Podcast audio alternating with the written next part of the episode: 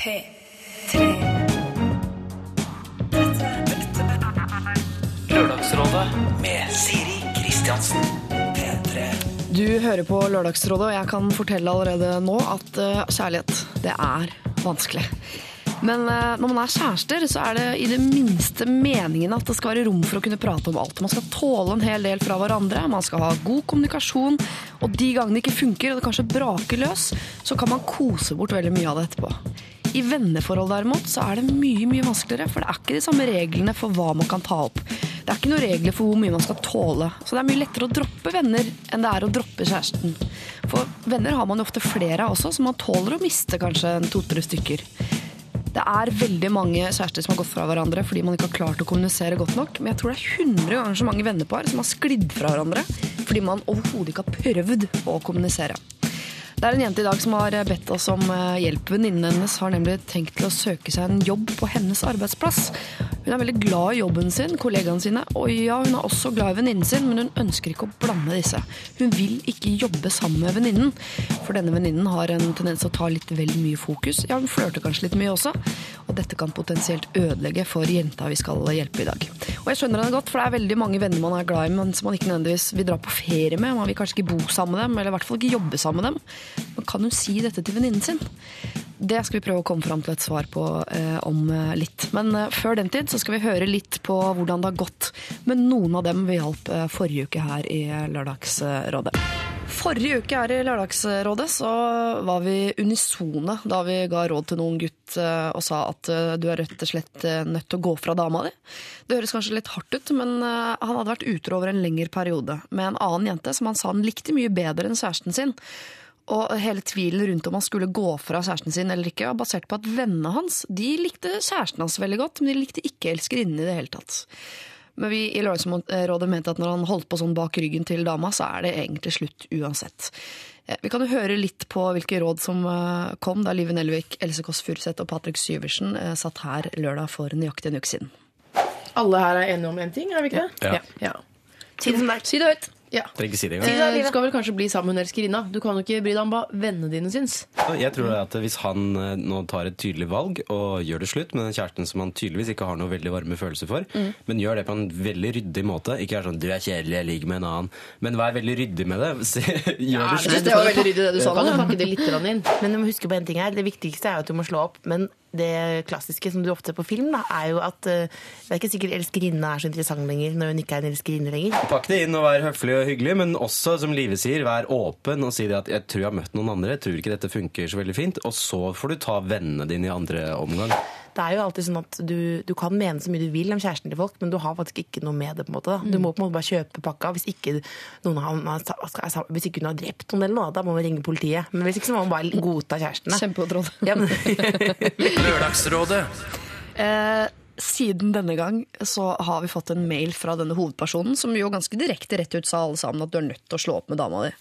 Eh, vi har fått en mail, og han skriver Tusen takk for flotte råd, det gikk veldig bra her. Jeg slo opp med kjæresten min forrige uke, og hun var veldig enig og mente selv at vi kanskje ikke passet så godt sammen, men at vi heller bare skulle være venner. Senere samme kveld ble jeg invitert hjem til henne og tenkte at det var en dårlig idé siden vi akkurat hadde slått opp, men dro allikevel. Jeg har faktisk overnattet hos henne hver kveld etter bruddet. Forholdet vårt har aldri vært så bra som nå. Jeg pratet litt med min tidligere elskerinne også, og fikk vite at hun over tid har hatt et forhold til en gift mann, så hun hadde ikke noe problem med at vi sluttet å se hverandre. Så alt gikk bra til slutt. Tusen takk. Eh, Det var jo en hyggelig mail, men vi i Lørdagsrådet var ikke helt fornøyd, så vi sendte en litt kortere eh, mail tilbake og skrev Men eh, du, har du fortalt kjæresten din at du faktisk var utro? Med vennlig hilsen nysgjerrig Lørdagsrådet. Og da fikk jeg tilbake Nei da. Eh, akkurat den detaljen droppet jeg. Uh, det kan jeg jo nok få svi for en gang, men akkurat nå går det så bra at jeg velger å utsette den nyheten litt. Ja, det er Så fint at alt gikk bra til slutt, da, i hvert fall for deg. Og det er jo deg vi skulle hjelpe. Så får vi se om vi kanskje må hjelpe en eh, fryktelig lei seg kjæreste litt senere her i Lørdagsrådet. Det kan jo faktisk hende. Du hører på Lørdagsrådet med Siri Kristiansen. Og nå på plass i Lørdagsrådet fire flotte eksemplarer av, av norske rase. Det hørtes grusomt ut. Velkommen til uh, Nazimorgen her i P3. Eh, Henrik Thodesen. Tusen takk. Hei, god morgen. Marta Breen, god morgen. god morgen, god morgen. Og Torbjørn Røe Isaksen, god morgen. Morgen, morgen. Eh, tar en eh, kjapp liten runde for å høre hvordan dere har det. Begynner med deg, Henrik. hva, først og fremst, hva driver du med nå som ikke øh, er i Torsdag kveld fra Nydalen? Eh, Jeg har vært ute og reist til Amerika i en eh, måned. Hvorfor det? Fordi det er gøy. Ja, på ferie? På ferie. Var det deilig, eller? Det var kjempedeilig. Men det blir jo ikke smør på brødskiva og slikt. Nei, det blir ikke det, så nå skal jeg hjem og dra på eh, kulturhusturné i Norge. Og så Standup-komiker. Ja, skal bli standup-komiker nå. Men jeg syns jeg så en notis om at Torsdag fra Nydalen har mista en del seere denne sesongen. her. Blir Ja, du jeg, glad da, eller blir du lei deg? Jeg blir, eh, blir trist på deres vegne og glad på egne vegne. Ja. Nei, eh, har de det? Er det sant? Jeg har ikke lest aviser. Lest, jeg har slutta med det. ja. Ja. Da slutta jeg å lese avis. I hvert fall sånne notiser. Har du fått med en som fikk Nobels fredspris, eller? Ja. Det har du, ja. Mm. Eh, Marta Breen, jeg må nesten spørre deg om noe av det samme. Fordi eh, jeg var inne på bloggen din i går, og det ser ut som det har vært litt stille der i det Ja. siste. Har du hatt mye å gjøre, eller? Ja, det har vært Det er eh, søknadsfrister på mandag 15. oktober. oktober er liksom søknadsfrister for eh, sakprosa eh, Alt som har med sakprosa å gjøre. Når var det, sa du? På I, på mandag. Det er ikke noe for deg, Henrik. Så da har vi konsentrert oss om å, om å skrive søknader, så vi har noe å leve av året som kommer. Du snakker i flertall. Ja, det, er- det er fordi jeg, jeg er også her, ikke sant? Men må man søke for å drive med sakprosa? Beklager min ignoranse, men eh, Eh, hvis man skal skrive bøker, så, så må man ha noe å skri leve av mens man skriver. Eh, Før da disse voldsomme inntektene kommer når boka er i salg. Da. Ikke sant? Ja. Disse 350 ganger. Så, eh, derfor, altså. Så nå etter 15., da er du i gang igjen. da blir det litt mer blogging igjen. Ja. Og eh, Torbjørn Røe Ja. Isaksen. ja. Du har vel snakket mye om tall de siste dagene. Blir det deilig å slippe det? Jeg, eh, jeg har, har jeg det? Jeg har egentlig ikke det.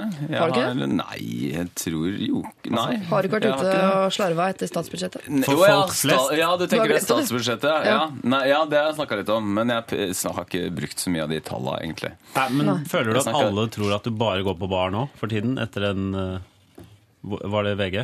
Hvor det var bilde av deg som vinket ut fra. Ja, det var jo bilde av meg. Jeg ble jo avslørt på bar ja. denne uka Er her ikke det i lov for politikere heller lenger? Jeg Nei, det er veldig, det er veldig, det er veldig sjokkerende. Det, og det er en whiskybar eh, hvor det var et sånn hemmelig, hemmelig møte. Men var det Jeg drikker ikke whisky, så, det er ikke noe, så jeg var der egentlig bare for, var der for politikken. så utrolig nølete. Men det er jo nesten ikke mulig å skru på radio eller TV eller noe som helst for tiden uten at du dukker opp. Du er jo veldig mye rundt for tiden. Ikke bare på bar, men Takk, takk for det. du er veldig synlig for tiden. Ja, men det er bra. Det er jo min, er ikke, det- er ikke det min jobb? Det er min taktikk, ja. Ja, ja, Det er egentlig det jeg håper at vi alle lurer på. Det jeg sier til velgerne i Telemark ja, men det jeg ja, Å være sånn som å gi folk Jo, men sånn som dette her, ikke sant? Er ikke dette egentlig en sånn um, er det ikke, Dette er jo en slags tjeneste, service til det norske folk, da. Ja. Og det er jo det. Jeg er jo i det norske folks tjeneste. Ja. Så får du nå lønn av eh, Erna for å sitte her.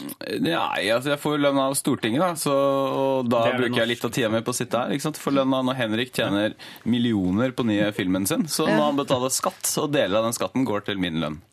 Så Takket være Det er det er rød-grønne regjeringa. og- deler av det går altså i og for seg for sakprosabøkene til Martha. Så det er, eh, Du, her er det på en de stor jeg. sirkel. The circle of life. Eller det er egentlig jeg som betaler for alle dere. Det er sånn det Ja, for du er egentlig den eneste her som er sånn helprivat. Ja.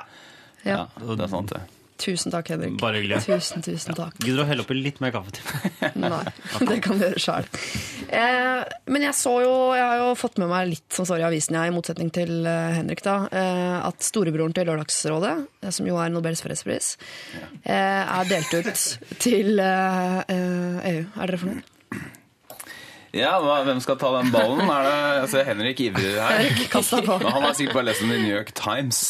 Men uh, Tørk hamburgeren ut av munnviken og svar på det spørsmålet. Er det San, gøy? San Francisco Chronicle skrev um, ja, er det, er- det, er, det er sånn jeg ser også Klarer jeg ikke helt å ta stilling til det. Nei. Er det bra? det? Men er det sånn, er det sånn for det, kunne du, du skal nå, Hvis du skal rundt på bygdetun og litteraturhus, ja. så kan det bli veldig Hvis du nå sa sånn Ja, det er dødsbra, jeg elsker EU! Torbjørn Nagland er en slags halvgud for meg. Og så kommer du til eh, Skjåk da, for eksempel, og skal ha et standup-show. Ja. Så er det jo grunn til å tro at de, da vil kanskje de bli litt skeptiske til deg. Ja, litt. Det vil jeg tro. Men er Lønner det seg som komiker å snakke mye for eksempel om Nobels feriepris, eller er det, eh, er det underbuksehumor det går i? Uh, det er uh, Enten eller. Var de to jeg kom på nå. Nobels uh, underbuksepris. Ja, en blanding. Hvis du klarer Som er det, mindre kjent, men allikevel akseptert og veldig Ja, anerkjent er i noen miljøer. Noen veldig små kretser. Er det ingen som har reagert på at jeg kalte deg for Jesper, eh, Henrik? Nei. Nei. Det, det er sønnen min som heter Jesper. så Det er jo bare masse kjærlighet til den glippen her, da, kan du si. Eh, Jeg føler at vi er varme i trøya. Da. Alle gliser og ser forventningsfulle ut. Og straks så skal vi by oss ut på et problem som jeg allerede har fortalt litt om til, eh, til dere som hører på. Det skal dreie seg om altså en venninne som ikke vil ha venninna si på arbeidsplassen sin. Det får du mer om på andre siden av eh, lenka. Trouble is a friend. Lørdagsrådet på P3. Høres veldig ut som eh, Eva eh, fra Eva and the Heartmaker, men det er det altså ikke. Lenka, 'Trouble Is a Friend'. Eh, nå skal vi tilbake til en jente som jeg nevnte i starten av eh, programmet. Men kjære rådgivere, Torbjørn Røe Isaksen, Marta Breen og Henrik Thodesen. Eh, dere skal få lov til å bli kjent med ei jente som kaller seg for Frustrert venninne. Hun skriver Hei, kjære Lørdagsråd. Jeg har en god venninne, som har slitt med motivasjon i jobben en god tid, og som nå har bestemt seg for å slutte på arbeidsplassen sin. Dette synes jeg er kjempefint. Problemet er at hun har bestemt seg for å søke på en stilling ved min arbeidsplass. Dette synes jeg er vanskelig, for etter ganske lang tid har jeg nå endelig kommet skikkelig på plass i min jobb. Fått meg venner, trives fint sammen med dem jeg jobber sammen med. Hvis venninnen min begynner, jeg er jeg redd dette kommer til å endre seg drastisk. For selv om hun er et menneske jeg er veldig glad i, eh, syns jeg hun kan være veldig stressende å være sammen med over i lengre perioder. Hun er blant annet ekstremt flørtete, tar veldig mye oppmerksomhet og kan lett finne på å overkjøre mine tanker og meninger ved f.eks. ofte å avbryte. Hovedproblemet er vel at jeg virkelig ønsker at hun ikke begynner å jobbe sammen med meg. Vi jobber i et yrke der det å få seg jobb ikke er spesielt vanskelig, så jobb et annet sted bør ikke være et problem for henne. Hvordan kan jeg ta det opp med henne? Hilsen frustrert venninne. Altså Hun spør ikke om hun kan ta det opp, folkens, men hun spør hvordan tar hun opp med venninnen sin at hun ikke ønsker at hun skal jobbe der hvor hun jobber. Jeg skjønner jo veldig godt at hun ikke vil jobbe sammen med folk hun kjenner. Ja. Så eh, det kunne jeg aldri, aldri ha gjort. Hilsen uh, Henrik Thodesen torsdag kveld fra Nydalen X. Ja. Ja, nei, det er eh, man, jeg, jeg skjønner henne veldig godt, at det er en vanskelig situasjon. Uh, man har ikke Altså, det der med å eh, blande, jeg, blande vennskap og jobb eh, er ikke Det er litt sånn forvirrende. Og man tror ofte at kolleger er eh, venner. Det har jeg liksom brent meg på, for jeg har vært frilanser. Altså jeg jobba liksom litt i Dagbladet, litt i NRK og sånn, og så tror jeg, så syns jeg vi har det så koselig, og så tror jeg at når jeg slutter, så skal vi være venner fremdeles. Men så merker man at nei, det var visst ikke det. Du Plutselig ble sittende alene på bursdagen din. Ja. Utrolig. Hvor er det? Ikke Så viste det at Sverre i avdelinga hadde fest, mens du var bare frilanser, Ja, ja, ja. komme. Så det er, men jeg har jeg skjønt at kolleger og venner det er to forskjellige ting. Eh, men jeg tenker at hun må nesten være ganske ærlig og så si, eh, legge det fram sånn at eh, jeg har hatt det litt vanskelig på jobb, men jeg begynner, trives veldig godt nå. Eh, og syns at Er litt redd for at dette liksom skal forandre på min posisjon på jobben, og at eh, kanskje vårt vennskap kan lide under eh, fordi det, ja, Bare si det på den måten, og, og, legge, og samtidig si at eh, jeg tror du burde søke her og her og her og hjelpe henne videre. komme noen Ja, alternativer. komme med altså alternativer. Konkrete alternativer. Ja. Jeg syns hun er veldig selvopptatt, Ja. for å være helt ærlig. Jeg synes det, det, vet du, jeg, det, hun spør jo, jeg mener at hun ikke burde ta det opp i det hele tatt. Ja. For det, hun kan jo ikke, altså, Er ikke det veldig sånn å sette seg selv i sentrum? da? At man sier at fordi jeg ikke vil at venninna mi skal søke på denne jobben, så, så mener jeg at det er et problem. Og Det er ganske frekt å komme til venninna si og si at du, eh, jeg vil føle meg, det vil redusere min livskvalitet bitte lite grann hvis du, min aller beste venninne, er på jobben ganske mye. Så derfor syns jeg du burde søke deg et jobb et annet sted. Jeg syns Ja. ikke det går an. Så hvis hun skal ta det opp, siden hun spør hvordan hun skal ta det opp, så må hun si du, eh, jeg er jo, som du vet, ganske ganske selvopptatt. Eh, Jeg syns du er Nei, jeg, bare- nei altså jeg, jeg mener hun ikke burde ta det opp. Og hvis hun skal ta det opp, så må hun på en måte ta det opp Da må hun legge seg uhorvelig flatt når hun tar det opp. Men da er det jo litt vanskelig å please, fordi her er det en valg mellom å ta hensyn til seg selv eller ta hensyn til venninnen. Og tar hun hensyn til seg selv, så er hun egoist, men tar hun hensyn til venninnen, så er hun jo selvutslettende, vil jo noen kanskje da påstå. Men det, jeg lurer også litt på uh, hva slags uh, sted hun jobber på. Ja, det Altså, aner vi ikke, men jeg ser er- det hvis- ikke er vanskelig å få jobb. Nei, ok, men er det en, øh, en kjempe, er det en kjempestor arbeidsplass, så er det jo ikke noe problem. Er det pølsebu, Er det så skjønner jeg hvor, hvor det jobber to nå, og han ene slutter og hun kommer inn, da skjønner jeg. Eller, men det virker jo som det er en del andre uh, folk Jeg her. Jeg tenker Lefdal. Jeg veit ikke hvorfor, men bare noe Ja, sånt. Okay. Men Eh, greit. Men er det sånn at hun er to så vidt forskjellige personer? Hvis hun liksom med denne venninnen så er hun én type person, mens nå har hun endelig klart å bryte ut av det, få seg en jobb et annet sted og, og er den personen hun vil? Nå, nå på jobben. Ja, Men da virker det som om den venninna er en da, da er hun jo en annen dårligere utgave av seg selv med den venninna. Kanskje det er den venninna sin skyld. Kanskje bare bør dumpe venninna, da. Er ikke det som ligger litt Før eller etter hun begynner å jobbe sammen. Men er ikke det som ligger litt under her? For at hun sier, hun beskriver jo altså Vi vet jo alle, bare for å si det, da, at det er jo Man irriterer seg alltid mest over de nærmeste vennene sine. For at de kjenner man så godt at man kan tillate seg å irritere seg over det. Men når hun sier at hun er veldig flørtete, og hun beskriver altså Det virker jo som det ligger noe under som egentlig ikke har noe med denne jobben å gjøre. At det Ja. kanskje er litt spenninger i hennes forhold til venninna. Ja. Og da må jo hun finne ut er det sånn normale spenninger på den måten man har det med en del nære venner, hvor man er dritirritert på hverandre 80% av tida, og så er man sånn kjempegode venner 20% av tida. Eller er dette her bare hun som kanskje ja, overdriver litt, da? At hun bare må liksom legge det fra seg. Si at dette er ikke noe problem. Hun er bl.a. ekstremt flørtete, tar veldig mye oppmerksomhet og kan lett finne på å overkjøre mine tanker og meninger. Altså, man kan jo også mistenke her at dette er en venninne som tidligere har fått oppmerksomhet fra en Ja. gutt, for eksempel, som hun gjerne selv ville ha oppmerksomhet fra, og som det nå er en ny av eh, på, På denne arbeidsplassen. Mm. Det kan, eh, det kan vi tolke Vi kan tenker, tolke fritt. hvorfor vil denne, altså, denne venninna søke akkurat der? Det er jo fordi at hun tror at eh, nå skal vi være venninner og ha det gøy på jobben sammen, og dette er gøy. Altså, det er jo derfor hun søker akkurat dit, antageligvis. Fordi venninna jobber der.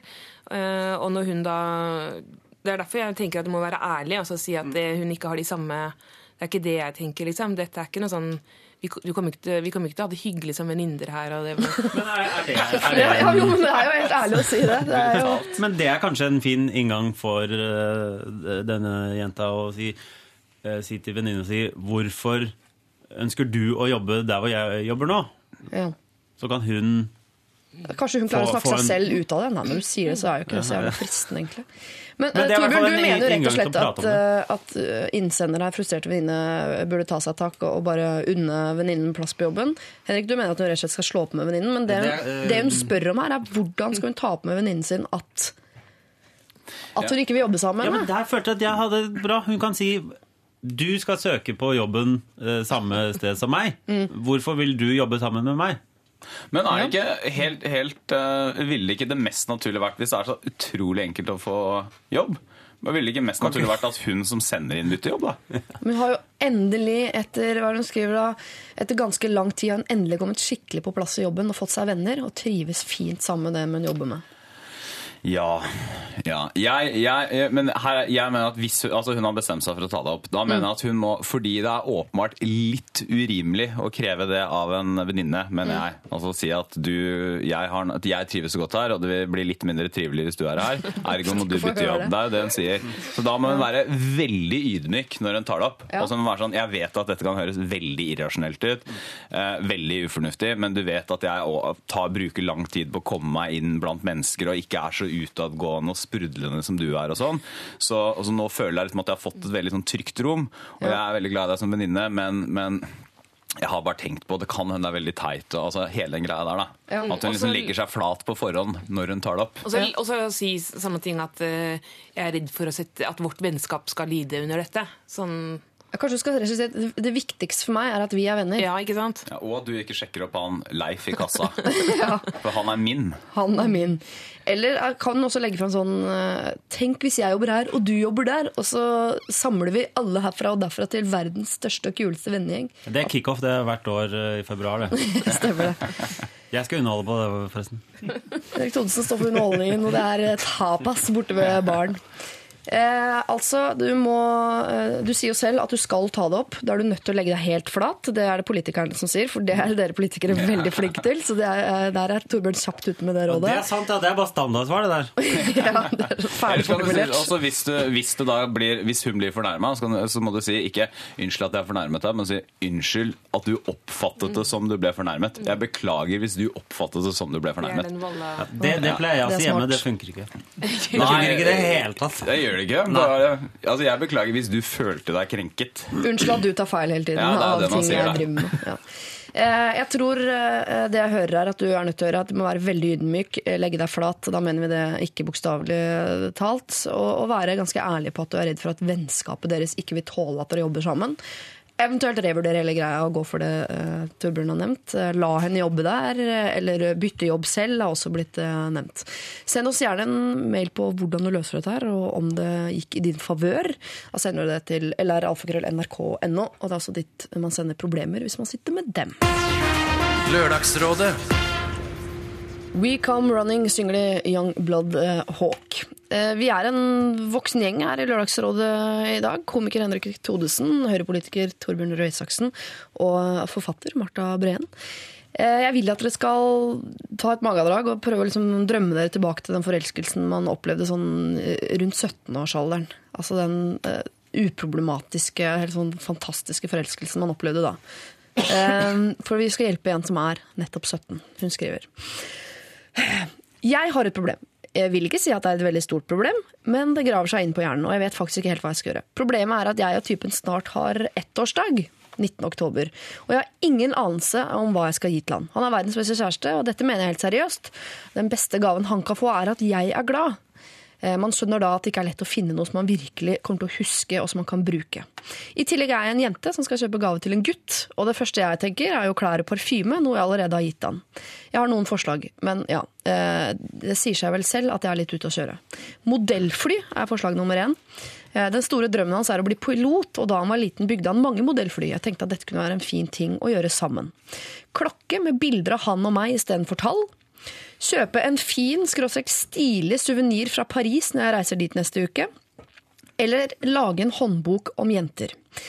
Jeg er som dere ser helt lost, så vær så snill og hjelp meg. Frustrert, men glad. Jente 17. Er hun helt lost, Henrik? Du rister på hodet og drar deg i skjegget.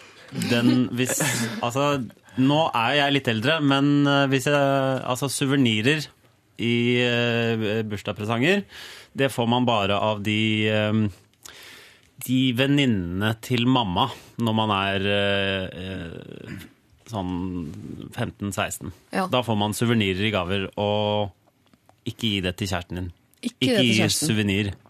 Ikke, ikke gi suvenir generelt, kan man Nei, ikke si det? aldri gi suvenir. Det det gjelder også dere. Ja, altså, hvordan, hva er liksom, det er ikke noe stas å få sånn Hei, her er en suvenir fra et sted hvor vi koste oss, og du aldri har vært. Hva Ikke, er ikke kjøp suvenirer egentlig heller. Nei. Altså, Suvenirer er jo bare det er, jo, det er jo bare folk som har starta butikk og har veldig veldig dårlig uh, Det er litt morsomt med de flytepennene fra London hvor det er sånn buss som går altså, fram og tilbake. Uoppfinnsomme mennesker lager en butikk hvor de selger suvenirer, og så er det Hvis ikke det da lite er en sånn kreative mennesker også som kjøper Men du synes en hånd, la, skrive en håndbok om jenter synes du var en bedre idé, eller? Det er en litt bedre idé, men det er fortsatt ikke en god idé. Trenger vi håndbøker om jenter, Marta? Det fins veldig mange håndbøker om jenter allerede. Ja. Eh, jeg jeg synes jo eh, Bok eh, er jo alltid den beste gaven. Ja. Eh, men man behøver jo ikke skrive den sjøl. Nå var det 18. oktober, var det det? Det var litt sånn hastverk eh, i så fall hvis man skal skrive en bok. Og da rekker ikke å søke NFF heller. Ja, og når man er med kjærester, så eh, hjemmelagde gaver er, eh, er fint. Men det er eh, Tenker du da også på klokke med bilder av han og meg istedenfor tall? Nei, Nei, det er ikke fint, fordi det har hun ikke lagd selv. Det må hun sende inn. Uh... Ja. Er det et sted man kan sende inn og få det der gjort? ja. Men det, dette her er, dette går i kategorien tilleggsgaver. Ja, Å, ja. jeg er enig. At, eh, du kan kjøpe en klokke, og så kan du En fin klokke Nei, er en kjempefin gave. Ja, det det, kan du, det kan hun kjøpe. De er 17. Men å ødelegge den med et bilde, det, da, Ja. går- det blir jo Nei, veldig Da kan du heller gi et bilde. Men altså, for å si det sånn, jeg syns at det er en dårlig idé å gi en gave i det hele tatt. Oh, ja. Eh, fordi at Det er radikalt. ja, nei, men altså, du, du legger opp til sånn nivå at nå skal vi fortsette å gi gave hver gang vi har vært på, på årsdagen vi har vært sammen. Og så etter hvert så blir det jo på bryllupsdag, og så er det på bursdagen, og så er det jul, og så er det farsdag, og så er det valentine. Nei, det blir liksom så styrete. Og så, som hun sier, det er vanskelig å gi gaver til gutter. Ja. Så hold det til et minimum, liksom. Eh, Ja. Jul og bursdag, på en måte. Så slipper man å bale med det her. Ja, men nå har dere glemt Men den forelskelsen man Ja, hadde da man var er 17 det- og vært sammen med samme gutt i ett år. Men Men altså er jeg oppe i ringa Her er et forslag, og det er for at det er veldig vanlig Mange jenter eh, tror jo, som denne 17-åringen, at den beste gaven han kan få, det er når jeg er glad. Ja. Ok, La oss rendyrke det, da. Kjøp noe kult til deg sjøl. Ja. Sier du sånn, vet du hva, jeg kjøpte Jeg skal på, jeg skal på spa, jeg nå. Jeg skal på spa en helg sammen med venninnene mine. Eh, Det gjør meg dritglad. Gratulerer med dagen. Men vet du hva Jo, jo, men det er ikke så dumt. Jeg kommer igjen, det er pila, myk, soft. Og Men da skal du få gaven din, da. Jeg tror, for at det, Som du nevnte innledningsvis, da, så er jo vi litt Det er jo en stund siden vi var 17, de fleste av oss. Eh, og jeg tror at det vi glemmer litt, det er liksom dette pengeaspektet også. Ikke sant? Man har ikke Altså, en fin klokke Ja, du kan få Du får jo mange fine klokker til 300-400 kroner, men, men da blir det kanskje Det er jo litt det hun sier, at hun har kanskje lyst til Hun har kanskje ikke vil ikke bruke et par tusen kroner, det syns jeg ikke man skal gjøre heller. Absolutt ikke. Og da syns jeg det Henrik sier, eller det vi alle har sagt, at noen sånn, det er veldig fint å få en sånn eh, hyggelig hjemmelaga ting som en tilleggsgave, men det er jo litt hyggelig å få noe ved siden av også. Eh, altså noe, en ordentlig gave, da. Hvis Så går det motsatt av Martha, for hun sier nei til gaver, og du sier mer gaver. Ja, men Du må kjøpe han, han har jo bursdag. Har han ikke det? Nei, de har ettårsdag. Ja, men jeg, Så vet hva, jeg syns det er hyggelig å gi gaver. Altså, for å si sånn, den der gave, Det at man liksom gir hverandre gave på ettårsdagen, det dør jo fort nok. Så man trenger jo ikke liksom, Det Martha sier, er jo at la oss liksom aldri starte med romantikk, for det, det blir så mye av det til slutt. Det er jo ikke problemet i de fleste samliv. At det er sånn å, vi har vært gift i 20 år, det er altfor mye romantikk. Ja, Vi gleder hverandre Altså- for mye i hverdagen. Eh, Det er jo det å gjøre noe hyggelig sammen og bruke penger på det, det syns jeg kanskje er en bedre idé. da. Ja, Eh, man, ja, Gå ut og spise. Jeg husker jo, jeg hadde kjæreste på den tida i hele gymnaset. Og vi hadde jo veldig dårlig råd. eh, Men eh, vi feira faktisk eh, liksom, de runde tallene, da, ettårsdagene. Og det gjorde vi med å gå på det høres jo litt ekkelt ut. at Vi på, gikk på, alltid på mongolsk restaurant, på sånn buffé, og spiste liksom På Khan, eh, Ja, fordi at vi syntes liksom, det var stas å bare få Du kunne spise så mye kjøtt du ville, og så mye, mange bakte poteter. Vi satt der liksom i fire timer sant? og lassa innpå med sånn Nå syns jeg plutselig ikke det hørtes noe romantisk ut lenger. Det som er fint, er at det er ingen gutter som forventer noe gave på en ettårsdag. Så uh, uansett egentlig hva hun gjør, så er det uh, Så er det pluss. Men, Ja, men det, så jeg, jeg er enig i det derre uh, uh, Gå ut og spis, Mm. eller noe. Uh, dra Gjør noe sammen. Ja, De må gjøre noe sammen. Hvorfor Eller skal hun en, ha en, gave lag en bok med bilder. sammen? Vil gutter Syns gutter sånt er koselig med sånn derre Sånn der Han høres ut som en veldig søt fyr, Ja. fordi når hun skriver den beste gaven han kan få, er at jeg er glad. Det er noe han har sagt. Det er ikke noe hun har funnet på. Nei, for at jeg Jeg er ganske at, sikker. Ja, for at, og det er litt sånn ehm, Altså, man, det, det er nok ikke sånn at liksom kjæresten hennes vil gå til kameraten og sånn Hei, sjekk den søte boka jeg fikk av kjæresten min. Men det er nok sånn at han vil tenke At han vil føle, føle seg liksom varm innvendig. For at det er jo veldig søtt når, man, når noen gjør noe og sånt. Ja. Eh, så, og det er kanskje, kanskje siden det er ettårsdagen, så kanskje hun da skal, skal ta en kommunal, Altså at hun bare skal gi Jeg tar tilbake det jeg sa i stad. At hun bare skal gi den lille tilleggsgaven. Og så kan hun legge opp en kveld hvor de kanskje går og ser Kanskje går på kino og ser en film han har lyst til å se. eh, som er litt Jeg vet ikke hva han liker, da, men kanskje Men Hvorfor skal det være på hans premisser når de har ettårsdag? Skal han ha gave fordi han har vært sammen med henne i et år? Er det en Nei, vanskelig det er oppgave som, å fullføre? hun tar jo initiativet til dette her, da. Så det er jo hun som har lyst til å glede han, hvis ikke hun da bare stikker på spa med venninnene sine og er gleder seg sjøl. Sånn begge kan gå på spa? Dere glemmer modellfly. Ja. Han har lyst til å bli pilot, har bygd mye modellfly som liten og foreslår at hun skal ta opp igjen den hobbyen, bare at de to gjør det sammen. De to han lager far. modellfly. ja. Ja, jeg synes det er hyggelig. Det fint, jeg tror vi var litt på bursdagssporet. Ja, vi var tror jeg. det. Vi trodde det Ja. var litt bursdag. Ja. Så egentlig så trekker vi tilbake en del av det vi sa. Og uh, jeg vil si at uh, alt uh, mer enn en vanlig dag er jo egentlig pluss. Fordi man forventer egentlig ikke så mye Nei. fra en sånn Ja, Det er veldig stas med jeg, altså det der, mm, kino og middag og sånne ting Mm. i den alderen der, hvor du på en måte ikke er bortskjemt med noen ting, så, så er det veldig veldig ålreit. Jeg stemmer for det. Mm. Gjøre noe sammen, eller kanskje gå ut, oppleve byen sammen, ta bilde av hverandre, og så kan lage Ja. et album etterpå og ha det sammen. Morsomt. Ja, Det er en veldig god idé. Og så bare én ting, bare en sånn liten advarsel. For, at, Ja. eh, bare, for nå høres Bare eh, tenk om hun nå tenker at han sitter og plundrer på det samme. Og det kan jo hende han er en av disse makeløse guttene som tenker nå er det snart ett år igjen, jeg skal overraske kjæresten min med. Men bare vær obs på at det kan hende han trenger et lite hint om at eh, det er ettårsdagen vår. Ja. Kremt, kremt, jeg har tenkt å gjøre noe hyggelig. ja, Det er ikke sikkert han husker det engang. Nei. Uff, så grusomt. Det er ikke grusomt. Det er er, det er ikke grusomt. Selv er vi, som de sier i eh, San Francisco. Eh, gratulerer med ettårsdagen, da. Og så eh, tror jeg dere rett og slett er nødt til å finne på noe eh, sammen. Om det er da innenfor bilder eller innenfor mat. Det får være litt opp til dere. Men i hvert fall gjør noe sammen. Det er jo dere som har vært sammen i ett år. Det er ikke han som har vært sammen med deg i ett år. Du hører på Lørdagsrådet med Siri. Ed Sheeran der eh, med låta The A-Team eh, live framført i popsalongen for en eh, tid tilbake. Og før det Kaizers Orkestra 1000 dråper regn. Det er en som heter Lene, som har sendt inn både et problem, men også en løsning. Hun skriver følgende. I går ringte en venninne av meg til Jan Thomas studio for å bestille napping og styling av bryn. Det jobbes en person her nå som er ekspert på området øyenbrynsdesign. Ja, han har veldig rare briller. Jeg trodde du skulle si brynt. Det hadde vært morsomt.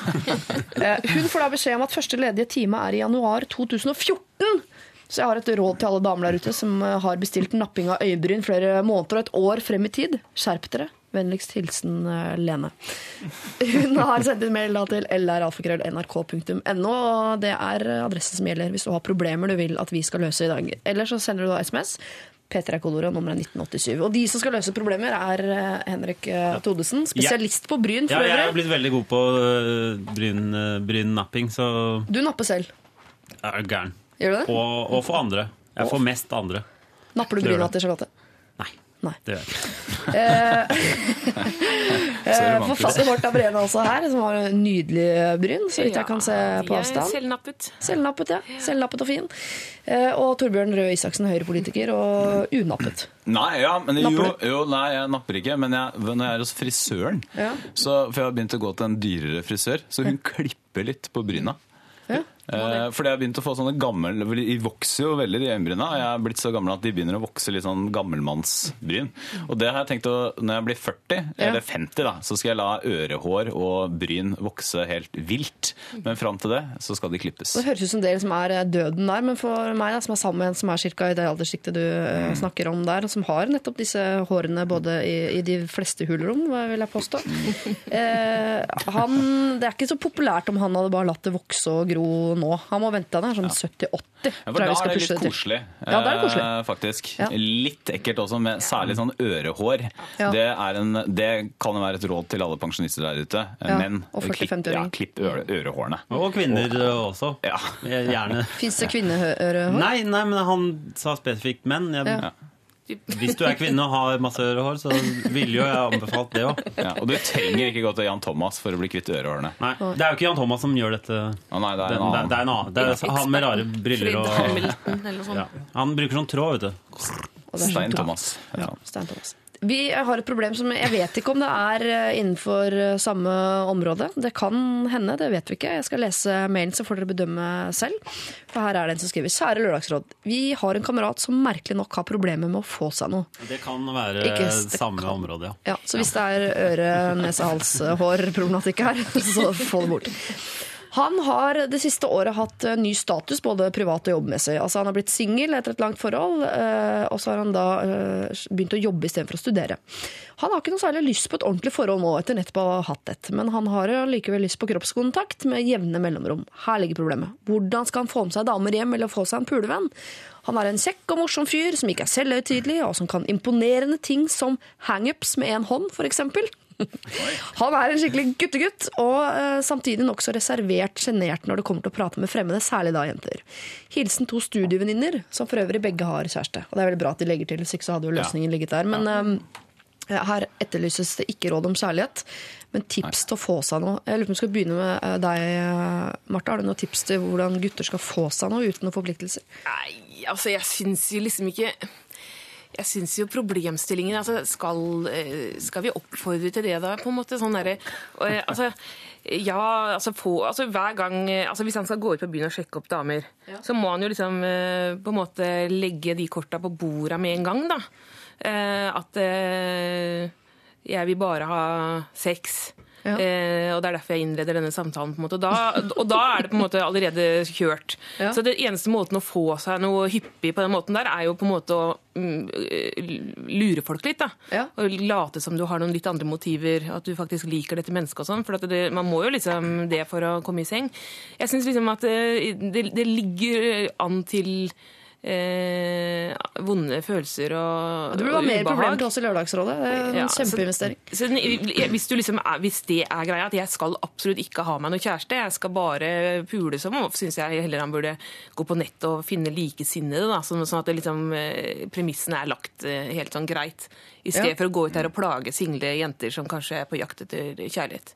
Det er en stund siden du var singel og ute på byen, ikke sant? Nei, men jeg husker jo de, de mannfolka, ikke sant. Så, så jeg bare Jeg husker alle disse her eh, som, eh, som på en måte har bestemt seg for å være single i lang tid, og så får du alltid vite det når du har holdt på en stund. Det er ikke noe kult, det. Men er ikke det sånn man sier hvis man møter den rette likevel? så er det ikke sånn Oi, du er den rette for meg, men eh, nå var intensjonen min bare sex, den, så da Altså- det, er, det, lurer på, er, det, er det de som eh, vil at han skal Eller uttrykker han dette veldig selv? Sier han til de hele tiden sånn ah, ja, Det blir aldri noe Ha- Det er virker som de- han har sagt det. Eh, Han har ikke noe særlig lyst på et ordentlig forhold nå. Skriver jo disse jentene, men det virker jo som om det ja, er de, de tror han vil ha et ordentlig forhold.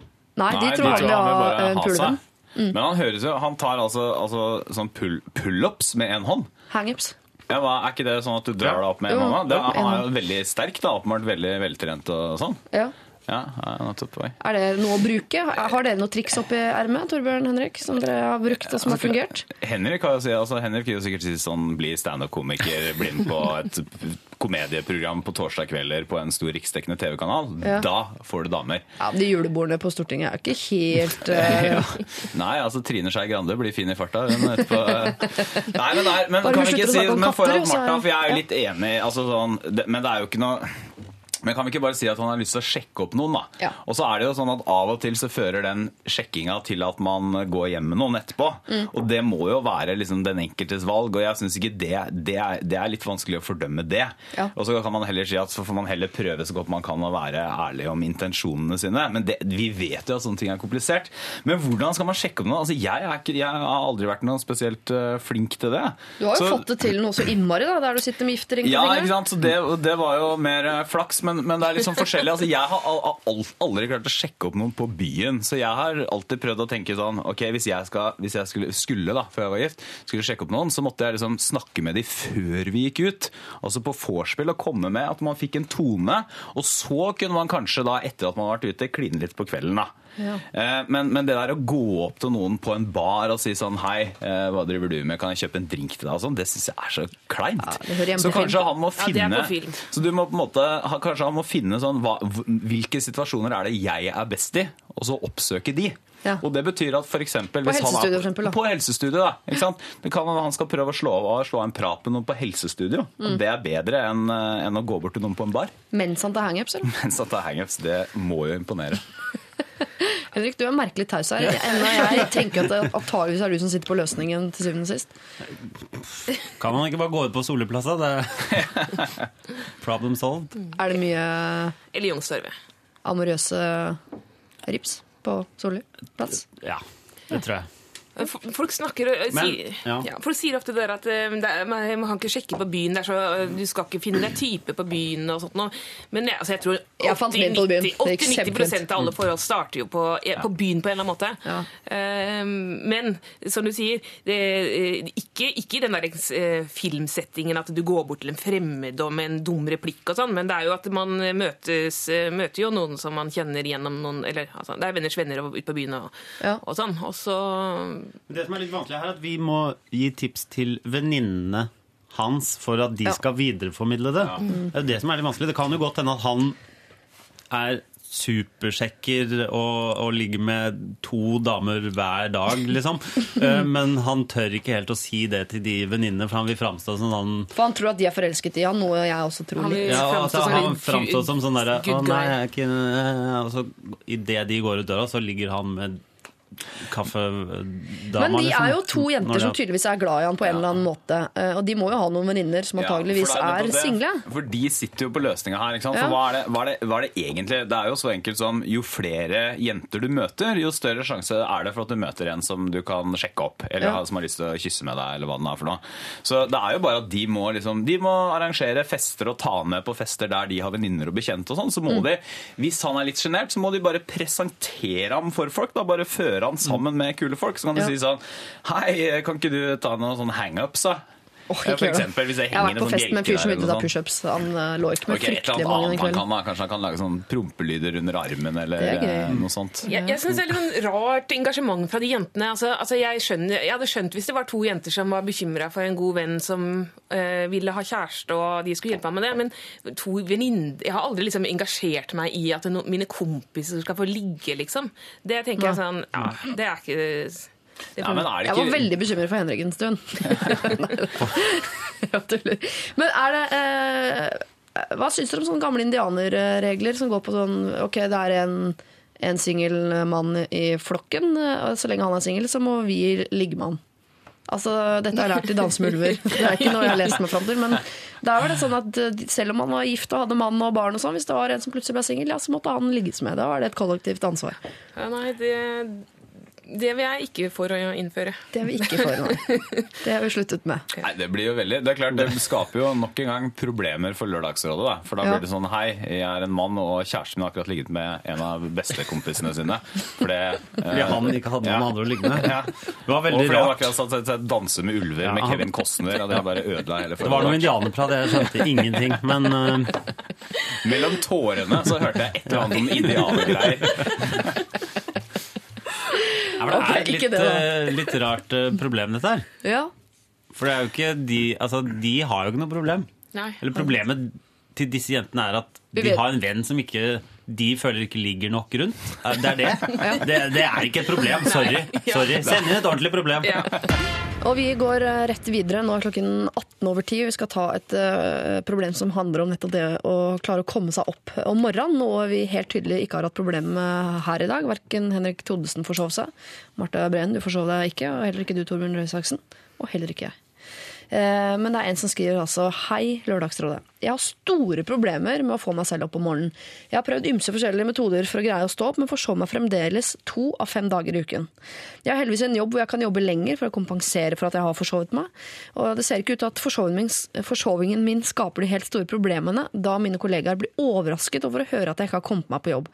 Dersom du ringer for å få min hjelp til noe eh, de dagene jeg da faktisk har forsovet meg.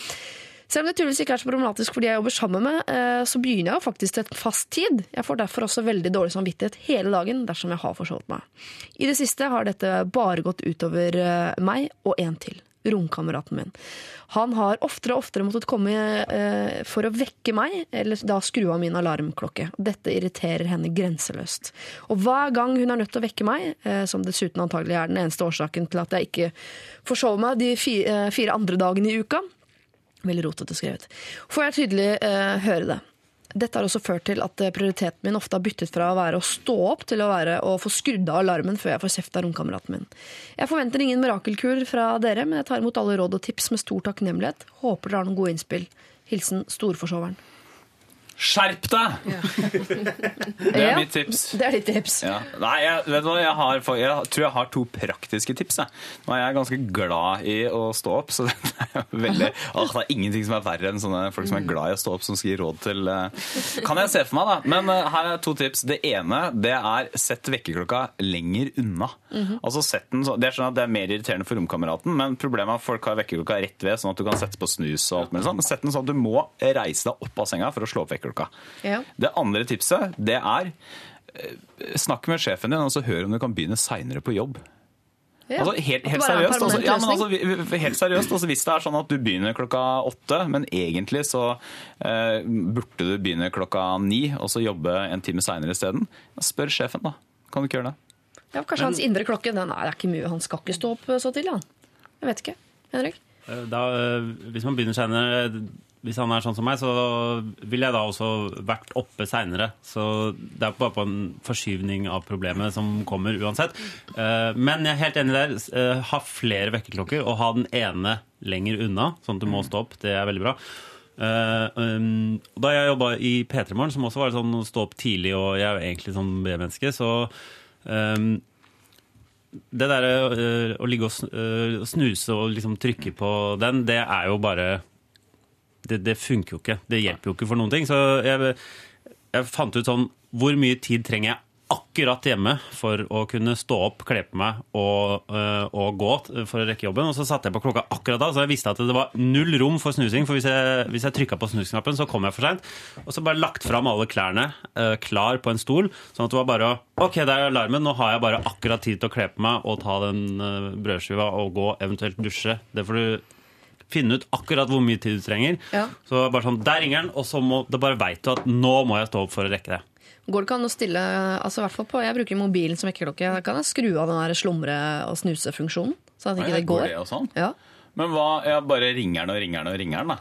Men da skjer det vel bare at da skrur du vel bare av alarmen, og så Ja. blir du sovende. er For det, det er jo helt riktig som Henrik altså Det der å snuse eller slumre, det blir du bare trøttere av. Faktisk. Ja, Er det vitenskapelig bevisst? Eh, Det er eh, Hva sier du? Må du spørre forskerne, hva heter det, Folkeopplysningen på NRK om. Men jeg vet ikke. Unge tips er mitt tips. Få deg en unge. Da har du ødelagt den der evnen til å sove lenge for Det er tre konkrete tips her. Sett klokka lenger eh, unna. Kutt tiden om morgenen ned til et minimum, eller få deg en unge. Tre veldig konkrete tips. Jeg håper du får det til. Eller betal romkameraten din for å, for å komme inn og dra dyna. Ja, for nå glemmer jo romkameratene. Jeg tror eh, Hvis det allerede bråker for mye med en klokke, så det å si sånn Ja, det kommer til å flytte ned et lite barn her nå, jeg tror jeg ikke er veldig populært for romkameraten. Og sånn Ja, nå har jeg satt klokka enda lenger unna, så det kommer til å ta enda lengre tid før jeg står opp. Men nå er det jo storforsvareren vi skal hjelpe, og egentlig ikke denne romvenninnen. Så jeg er godt fornøyd med de tipsene som Ja, har og kommet det inn. egentlig det eh, aller beste tipset er jo å legge deg en time før om kvelden. Ja. Så at du ikke er så trøtt. det er jo veldig veldig vanskelig. Eh, Er det ikke det da? For da kan du like godt endre på arbeidsdagen din. Altså at du kommer en time seinere. Ja. Så ja. Jeg vet at eh, Petter Skjerven eh, fortalte en gang han var her i Lørdagsrådet, at han hadde en knapp på, ved siden av sengen sin inne på soverommet. Og når han trykket på den om morgenen, så startet kaffetrakteren på kjøkkenet. Sånn at I løpet av fem minutter så var det kaffe ferdig på kjøkkenet. Det er. Han kunne jo hatt en sånn funksjon at, sånn at han vet hvis jeg står opp nå, så er det rykende, nydelig, deilig uh, Java mukka stående på kjøkkenbenken idet jeg har du kommet meg dit. trenger ikke å ha en egen knapp på soverommet, som da åpenbart Petter Skjerven har. Det er veldig imponerende. Men du får bare vanlig kaffetrakter med timer. Er det sant? Ja, ja, det er kjempeenkelt. Så setter hun på kvelden og formiddagen, så setter hun på liksom klokka sju. Da Ja. er den ferdig klokka Og så med en vifte bak, sånn at det viftes god kaffelukt inn på ro. Altså, Eller skaff deg en knapp eh, på, ved siden av senga som gjør at hvis du ikke er på kjøkkenet om fem minutter, så begynner det å brenne. det er lurt. Det er kjempelurt. Lørdagsrådet. Taylor Swift, det der We Are Never Ever Getting Back Together. Veldig uh, tydelig uh, sagt av Taylor Swift. Så det skal ikke være noe tvil der, hvis eksen lurer. Eh, vi har en som heter Tale, som har skrevet inn på eh, Facebook-siden til Lørdagsrådet. Eh, hun vil rette en stor takk til Lørdagsrådet, først og fremst. Jeg har sykdom på balansenerven og dobbeltsyn og sjangler som en full sjømann. Jeg er fanget i leiligheta, må ligge flatt på sofaen med øya lukket. Men hører på dere, og det gjør det lettere å holde ut. Tusen, tusen takk. Og jeg, grunnen til at jeg leser dette høyt, er jo Og du klapper jo til med Henrik Thodesen, Ja. er jo at dette er et problem du har hatt. Ja, jeg lå hjemme i, i fire uker og sjangla. Det var som å være sånn Ha drukket tre øl. Ja, ja. Sånn at du Eller kanskje fire. Sånn at det akkurat var litt sånn Klarte egentlig ingenting. Klarte ikke å lese. Eh, gå ut var litt sånn vanskelig. Jeg husker jeg måtte holde meg eh, fast i veggene. Det var som å være litt sånn Du var på danskebåten i en måned, Jeg var på danskebåten en måned. Det er veldig veldig slitsomt. Og så føles det veldig sånn dustete å måtte være liksom hjemme fra jobb en måned fordi du bare Jeg er litt svimmel. Ja, altså, det, er, det, er sånn, Det er for å ringe og si at du har mensen. Liksom. Ja, det er, ja. Men er det det samme som krystallsyken, eller? Eh, ja, men det er jo liksom to varianter av det. Noen ganger så har du Hvis du har sånn krystallisert eh, ørevoks, som det egentlig er, da, som har gått inn i øret eh, og ligger og irriterer balansenerven hele tiden, Ja. da får du veldig mye sånn karusell og veldig mye kvalme, og det er visstnok enda, enda verre. Det er på Tusenfryd, ikke på danskebåten. Da er du på Tusenfryd eh, hele tiden, ja. Men da kan du gå, du kan gå til en sånn øre, øre-nese-hals-spesialist, og så rister han på hodet ditt, og så går det an å få den ut. Men eh, sånn som jeg hadde Eller begynte å vaske øra før den sykdommen måtte ja, oppstå. Eventuelt, eventuelt. Men hvordan, hvordan behandler du dette her, da? Sånn det er ingenting. balansenerve? Ingenting. Må bare ligge. Jeg er bare svimmel. Så det går over, Men kan det vare mange måneder? Ja, det kan vare år. Å ja. Oi. Dette finner jeg på. Jeg vet ikke, jeg spør Ja, ja, Henrik. Det er, det er Henrik som er eksperten. Kan det vare i flere år? Jeg vet ikke helt. Nei. Vi håper det går over snart. God bedring da, God til bedring. en, Jeg håper hun klarer å se på jeg klarer et eller annet. At Hun klarer å se hun klarer å høre på radio. Det er bra. Det er bra. Eh, Jeg har et annet spørsmål til deg, Henrik, som har kommet inn eh, på SMS. For det er en som eh, spør ganske direkte. Vil du ha barn med Charlotte? Tipper de blir pene. Smilefjes. Ja, jeg vil det bare hvis de blir pene. Ja. Hva med de resten av de? Hva gjør vi med de? De som ikke blir pene. Kan jeg få de? Du kan få noen. Var det det du ikke utbroderer det? Hvordan utbroderer man det der? Nei, det vet jeg ikke. Du må jo si hva du skal gjøre med eventuelt stygge barn. da. Ja. Og så kommer det ut en liten en med pukkelrygg eller eh, et eller annet sånt. Da blir det å Hvis du kunne dra til Notre-Dame, putte den opp i tå- tårnet der. sammen de andre. Nei, Men jeg eh, ringer hvis du kunne satt sammen eh, lærlingestilling, som ringer. Hvis du kunne ha lagd et lite menneske basert på deg og Charlotte, hvilke egenskaper hadde du plukka fra deg, og hva hadde du plukka fra Charlotte? Kan Ja, jeg, eh, jeg har et spørsmål. Hvis du hadde fått, en, hvis du hadde fått da et veldig vakkert kan- barn, men så hadde du fått dine øyenbryn ja. Eh, Det hadde vært sånn da, på en måte Hva hadde du gjort da? Da For du tenker nå hvis det er jente? Ja, det er, hvis det er jente, ja. jente nå, ikke sant? Veldig vakker, vakker lite jente, men med er massive øyenbryn. Ja. Ja, det var Og Søsteren min, tenker du på? Det er, det. Nei, jeg hadde jo tatt med Det er bare å ta med til han eh, med brillene og vesten hos Jan Thomas, så er jo det fiksa. Det er ikke noe problem, det. Hamilton tar det. Ok, Vi går videre til deg, eh, Torbjørn. Eh, Det er en av oss som spør om noe som jeg, jeg skjønte ikke helt spørsmålet. Vil du ha barn med Charlotte? Tipper de blir pene? var spørsmålet. ja, ja. Så det handlet ikke om om de blir pene eller ikke. Nei, nei. Om jeg vil det? Det var et Det var kompliment. et kompliment. Ja, tusen takk. Ja, det vil jeg. Takk. Hvorfor sluttet du ikke bare av der? Det var alltid fjas etterpå. Eh, Torbjørn som stiller deg et spørsmål som eh, vi jo egentlig stilte før i dag. Men er dette en del av jobben din? Og da mener han sikkert, eller hun, eh, dette du driver med akkurat nå? Å være her i Lørdagsrådet? Uh, ja. ja, er det ikke det, da? Det er jo på en måte det. Altså, Det er jo ikke obligatorisk som politiker å være i Lørdagsrådet, men det er jo en måte å være i folkets tjeneste på, da. Ja. Kunne du sagt nei? Til å være her? Ja. ja, ja, selvfølgelig. Er det, er det sånn, Dette er ikke et uh, an offer I can't refuse. Jo, men Har du noe kontortid, liksom? Ja, nei, ja altså jeg må være på Stortinget når det er møter på Stortinget. da. Ja. Uh, og I dag er det ikke møte på Stortinget, så da kan jeg være her. Ok. Men Men jeg har tid til å heter Jeg driver med liksom ordentlig altså, de, I alle lørdager, eller i hvert fall alle dager hvor jeg ikke er her, Ja. så driver jeg jo med ordentlig politikk. Så det er ikke sånn at Hovedbeskjeftigelsen min er å sitte i et radiostudio og gi råd om sex og samliv. Nei. Og forhold. Og forhold? Nei. Jeg så du var på TV 2 og bare grilla han der gamle grinebiteren. Ja, på harde fakta, Ja, for eksempel. Ikke sant? Ja. Da er det jo litt eh, deilig å kunne komme og snakke om litt annet enn sykelønn og tall og sånn også. Men Smilte dere til hverandre rett på? Var det god stemning? Eller var det sånn Jeg ga han en knehøne, og så Ja. løp jeg ut av studio. Hva heter han? Jon Hustad. Jon Hustad heter han, ja. Jeg glemmer det. Ok, eh, Marta Breen, du har fått et eh, litt mer sånn eh, åpent spørsmål. Det er et ja-nei-spørsmål, men det her er også lov å utbrodere.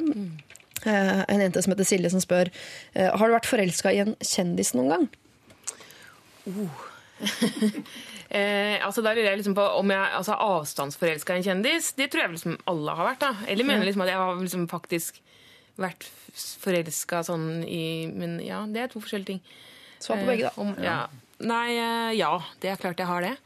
Eh, jeg, har, jeg er veldig sånn Jeg blir lett betatt, jeg. Og, og er per dags dato forelska i fem-seks eh, sånn kjendiser. Ja, Hvem er de tre andre? Tre-fire andre? Nei, altså det er jo da Eh, Sånn da, for eksempel sheriffen i Deadwood og Ja. eh, han eh, Han eh, Nei, ikke, ikke Schwingen. Men eh, også han eh, i Hell on Wheels, han eh, Cullen der. Altså, ja, ikke sant? Men har du noen norske kjendiser som du er forelska i? Det er blitt færre og færre av det. altså. Når jeg var, jeg var liten, så var jeg forelska i Stian Smestad, hovedrolleinnehaver i Håkon Håkonsen. Han bodde på Nesodden, han. Ja. fant den aldri. Hva skjedde med han etterpå? Han har blitt lege. Har han blitt lege? Ja. Vi har ikke sagt noe dårlig. Hva skjedde med gorillaen? Sånn. Mm. Er det, er det Spilte han i King Kong etterpå? Den gorillaen? Ja, den gorillaen. Ja, så svaret må være ja. Jeg eh, har vært forelska i opptil flere kjendiser. Hvem var den flaueste kjendisen du har vært forelska i, da? Norske, flaueste norske kjendisen. Eh, Jeg var, når jeg var liten, så det er, det er ganske flaut. Altså. Når jeg var liten, eller sånn 13, da, eh, så var jeg forelska i Erling Kagge. Oi. Og det syns onkelen min, da, som er en del eldre enn meg, syns var så latterlig, for han syns ikke noe særlig om kagge, tror jeg.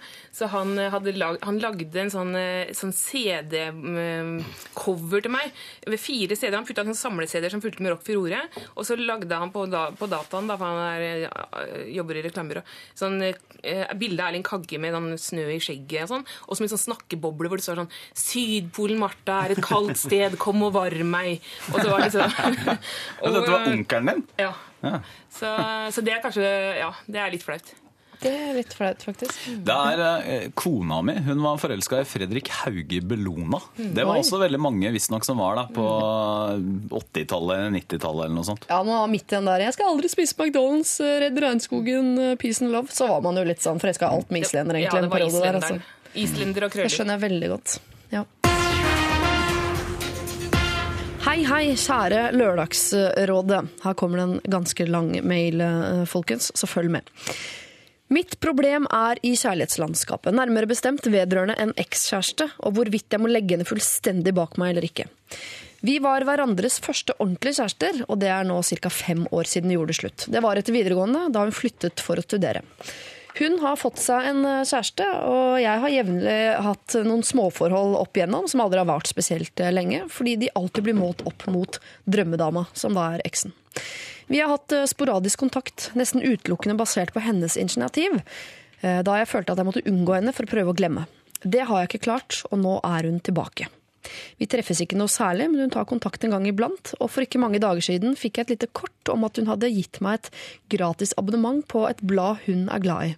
Sånn som dette forvirrer meg. Er det bare hennes normale hyggelighet til mennesker eh, hun kjenner? Leter jeg litt for desperat etter hint til å legge mer i det? Jeg traff hennes nåværende kjæreste en gang, og da hadde jeg lyst til å slå han, noe jeg sjelden føler. Men jeg følte at han ikke fortjente henne. Hva skal jeg gjøre? Jeg føler at jeg må ha alt eller ingenting. Kan det være at jeg egentlig ikke savner henne, men heller minne om det vi hadde sammen? Det har jo tross alt gått fem år. Håper dere kan hjelpe meg. Klem gutt 23. Åh, det var veldig fint. For en fin eh, e-post.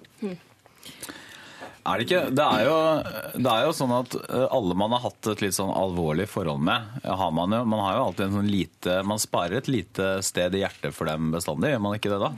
Jo. Eh, selv om man ikke er forelska i dem eh, eller kunne tenke seg å bli sammen med dem igjen, så har man alltid litt sånn varme følelser. Og, og det er den der blandingen av jeg, jeg tror det er mye nostalgi i det. da. Mm. og Særlig når det går litt tid, for da husker man tilbake til en tid som er forbi, og så er det litt vemodig. og så hadde man, Særlig hvis man har skiltes på ganske gode eh, termer. da. Så eh, det kan jo hende at ikke, jeg, jeg lurer på om ikke dette er en sånn følelse som man skal ikke bare lære seg å leve med, men dyrke litt. og Si at dette er vel, er ikke dette litt fint, da? Dette Blir glad i det minnet om den fantastiske eksen. Så lenge det er et minne, da. Men hvordan skal han slutte da å uh, måle alle jenter han møter opp mot henne, eller skal han ikke slutte med det? Skal han fortsette med det helt til han finner en som er bedre? Altså, Ja, ja, ja. altså jeg, jeg kjenner meg litt igjen i det her. For jeg hadde også sånn veldig bra førsteforhold som varte lenge. Og så, og så ble de årene etterpå så, så ja, litt sånn at du trodde, leita etter noen som var bedre og sånn. Um, og, men jeg føler at det, det er, her, i det tilfellet her så er det ikke bare et hyggelig minne, men det er noe som plager han litt. fordi at han faktisk, det, liksom, det setter begrensninger for eh, kjærlighetslivet hans. og, og sånt nå, og så virker det som hun ikke føler det på samme måten, siden hun på en måte holder, gjerne vil holde kontakten, og det er jo greit nok, det å ville holde kontakten og være venner, men eh, det er ikke så sunt for han, tror jeg. Jeg tror at, jeg tror at det viktig, beste her nå hadde vært for han å bryte helt og si at uh, vi, ser, vi kan ses når vi er 30, liksom, men nå, nå må jeg videre. Legg det bak deg, ikke dyrk det sånn, for det, det kan eh, ja, det kan legge hindringer i, for eh, nye damer. Du syns ikke de eventuelt kan prøve på nytt? For det virker som hun øh, altså I denne kontakten hun tar med han hele tiden, så kan det jo være det ligger et lite håp om at det kan bli de to. Nei, det, det, det, altså den, du skal ikke bli sammen med den personen du er sammen med når du er 17-18. Liksom. Det, det, det er ikke den du skal gifte deg med. Jeg, jeg tenker, ha det liksom, Gå ut og, og finn deg noen nye og ha det gøy før tidsklemma tar deg. Det, Men hadde ikke det vært vakkert, da? Det var de to, liksom. Og så måtte hun reise for å studere, var borte. Altså, gjør det gjerne om til krigen. Han forsvant noen år, var borte. ikke sant? Prøvde masse annet, ikke noe var bra nok. Hun kommer hjem, hun overlevde studietida. Det er noen hindringer der, hun har en ny kjæreste og sånn, men det er de to. Nei. Og så blir de sammen igjen. nei. Er det også Har jo ny kjæreste. Ja, hun har jo ny kjæreste. Det er, hun hun har gått videre. det. Det er han som ikke har gått videre. Ja, og mm. som uh, Torbjørn sa, man har jo det der minnet som blir sånn nostalgisk og sånn, så det er vanskelig å måle ting opp mot uh, det man husker for fem år siden. For det vil jo på en måte alltid bli et litt sånn glansbilde som Det var nok ikke Forholdet var nok ikke sånn for fem år siden som han tenker at det var. Nei. Det ble jo slutt. Det ble jo slutt. Ja. Um, Men er det ikke Men hva er det hun vil? Det er jo også et åpent spørsmål her, for hun vil jo åpenbart holde kontakt, og nå har hun gitt ham en liten gave. Et abonnement på et blad som hun liker. Mm. det? Altså, det, det kan jo hende ikke sant? Det kan hende det er sånn Verv ti venner til alders. Ja. Få en gratis, et gratis termometer, for eksempel. Eh, da er det jo ikke så mye sånn å juble for. Da tolker han kanskje litt vel mye inn i det. Ja. Eh, Da må jeg nesten Men- avbryte der for å legge til en liten tilleggsopplysning. For vi fikk nemlig en ny mail av denne gutten klokken halv to i natt. Hvor han eh, skriver eh, Jeg må oppdatere problemet mitt, for nå har det tikket inn en SMS på telefonen min hvor det står eh, Hun hadde vært på kino og sett en film, og det står Så som så, selv om jeg tenkte på deg. Oi, oi, oi. Ja, ok, men hvilken film? Så, Er dette er det mer 90 dager med Aksel Hennie som mishandler kvinner, f.eks.? Det har jo litt å si, det. Nei, det står det ikke noe om, men de har tydeligvis hatt SMS-kontakt i etterkant av en film, og hun skriver 'Jeg tenkte på deg'. Jeg syns ikke hun virker noe kul, jeg, altså. Jeg synes at det virker som om, ja, men det virker som hun leker litt med, med han, hun har lyst til å holde ham varm. Alle har, altså det er jo trist for henne og for alle å liksom eh, vite å gå videre fra noen som er glad i deg, og et sted, en trygg favn, et sted, en mann som alltid har likt deg, så skal du kutte det båndet helt og gå. Det, er- det er mange som syns det er tøft, men det, det må man, eh, hvis man skal være sympatisk, så må man eh, forlate folk ordentlig. Ja, for hun bare vet halvveis. at han liker henne litt, Ikke og det sant? liker hun. Ja, det liker jenter. De kan være ganske Men hva sånn. skal han gjøre, da? Men her er det åpenbart at han har sendt henne en melding. Han har spurt hvordan var filmen og Ja, sånn. ja, ja. Eh, Og vi vet jo ikke konteksten eh, det har skjedd i. Altså det kan, hvis hun sier sånn Ja, hvis det var en film om eh, Paris, da. Ja. eh, og de har vært i Paris en gang, så var det sånn Tenkte på deg under filmen. Det trenger jo ikke være noe veldig romantisk i det. Men det er ikke slemt å skrive det uansett hvis hun har en liten følelse av at han fortsatt liker henne. Ja, men da må, han, da, må han på, da må han ta noen klare valg. Da må han enten så må han spørre, konfrontere henne med dette her. Mm. Og liksom gå inn og begynne å flørte og spørre om de skal finne på noe. Ta en kaffe, gå ut og spise middag, et eller annet sånt, og så se om det går an å få det til å bli noe. Eller så må han slutte å ha kontakt med henne og dyrke det som en nostalgisk, fin følelse. Konfrontasjon, er du med på den, Henrik? jeg, var, jeg var enig, ja. Du er bare enig, ja? Enig. Ja, for jeg tenker også at han, hun- han øh, har alt å tjene på å konfrontere henne med å si du vet at jeg fortsatt har noen følelser, øh, så enten så må du bli med på det, eller så må du la meg være, for jeg kommer meg ikke videre. Ja, For det er helt essensielt om hun å- vet dette eller ikke. Fordi Hvis hun ikke vet det og tenker det er fem år siden han har vært sammen med de og de og de, og jeg er sammen med han, og her er det ingenting, og vi prøver bare å være venner, Mm. så er det noe annet enn om hun vet at han er litt keen på henne ennå. Og jeg tenker at Han taper ikke noe på å fortelle henne det. Det er ikke sånn at Han taper ansikt på fortsatt øh, eller altså, Han kan jo bare si det. 'Jeg har fortsatt følelser for deg'. Dette minner jo om eh, de Her kan man jo søke råd i veldig mange TV-serier. Ja. Eh, Trekantdrama Friends, for eksempel. Eh, Den gamle serien Dawson's Creek. Er det også Paces Creek, som vi kaller det. Eh, Paces Creek, ja, du Ja. var opptatt av Pacey. Eller How I Met Your Mother er det også et trekantdrama. Eh, Og det viser seg jo det at det er, er veldig vanskelig å vite om følelsene er helt avslutta eller ikke. Eh, Så du må bare komme i en lett komisk, men allikevel klargjørende situasjon, hvor du kan spørre. Men man finner veldig fort ut av det hvis man øh, prøver. fordi jeg har også vært i en situasjon hvor jeg øh, møtte en eks og tenkte sånn Å, så fint vi hadde det, kanskje vi skal prøve igjen. Idet vi nærmet oss liksom «Oi, Skal vi kline og prøve dette ordentlig, så merka jeg at jeg ble fysisk uvel. Tenkte sånn ikke ta på kroppen min. Og da skjønte jeg at vi er vel ikke forelsket i hverandre lenger. Er kanskje Så kanskje prøv, prøv å kline litt hvis du blir fysisk uvel. Så Ja, men han, han, burde ikke, han kan ikke kline når hun har en kjæreste. Altså, jeg Han kan det. Ja, nei, men jeg, nei, det syns jeg ikke. jeg Men jeg, jeg foreslår det at han tar ikke sant? Han, skal, han kan ikke bare ringe henne heller og konfrontere henne. Altså, han må si sånn Hei, skal vi ta en kaffe eller gå ut og ta en øl eller noe sånt? For Ja. Poenget er at du, du kan godt legge det opp litt sånn romantisk. For at hvis hun da overhodet ikke er interessert, så vil ikke hun bli påvirka av at hun tar tre øl og, øh, og det er en hyggelig atmosfære. Nei. Og Da kan han spørre, og så kan han på en måte etter hvert når stemninga er god, legge det ut. ta, ta problemstillinga fram, mm. og så kan han mm. Og finne ut Og kanskje det det var bare det som skulle til, at han skulle uh, snakke litt om det. Ja. Hvem vet? Hvem vet. Send oss eh, flere. Du er jo på en flow her med, på mailinga, så fortsett med det. Vi vil veldig gjerne høre åssen det går, først og fremst med deg, men også da med din eh, eks. Eh, vi runder av denne lille runden med halleluja. Dette her er eh, Jeff Buckley.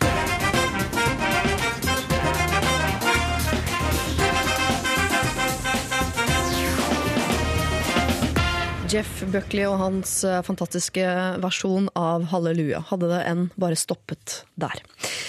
Årets eh, TV-aksjon går til eh, Amnesty og deres arbeid for å avdekke og stanse brudd på menneskerettigheter. Stå opp mot urett, urett heter den aksjonen. Og vi her i P3 vi har eh, valgt å fokusere mye på særlighet. Altså, vi ønsker å sette litt sånn ekstra fokus på diskriminering av rettighetene til lesbiske, homofile, bifile og transpersoner under et slagord som jeg valgte å kalle 'Å elske er menneskerett'. Og det er jo en evig kampsak her i Lørdagsrådet, i hvert fall, nemlig at alle skal oppleve kjærlighet. Gjerne stor kjærlighet.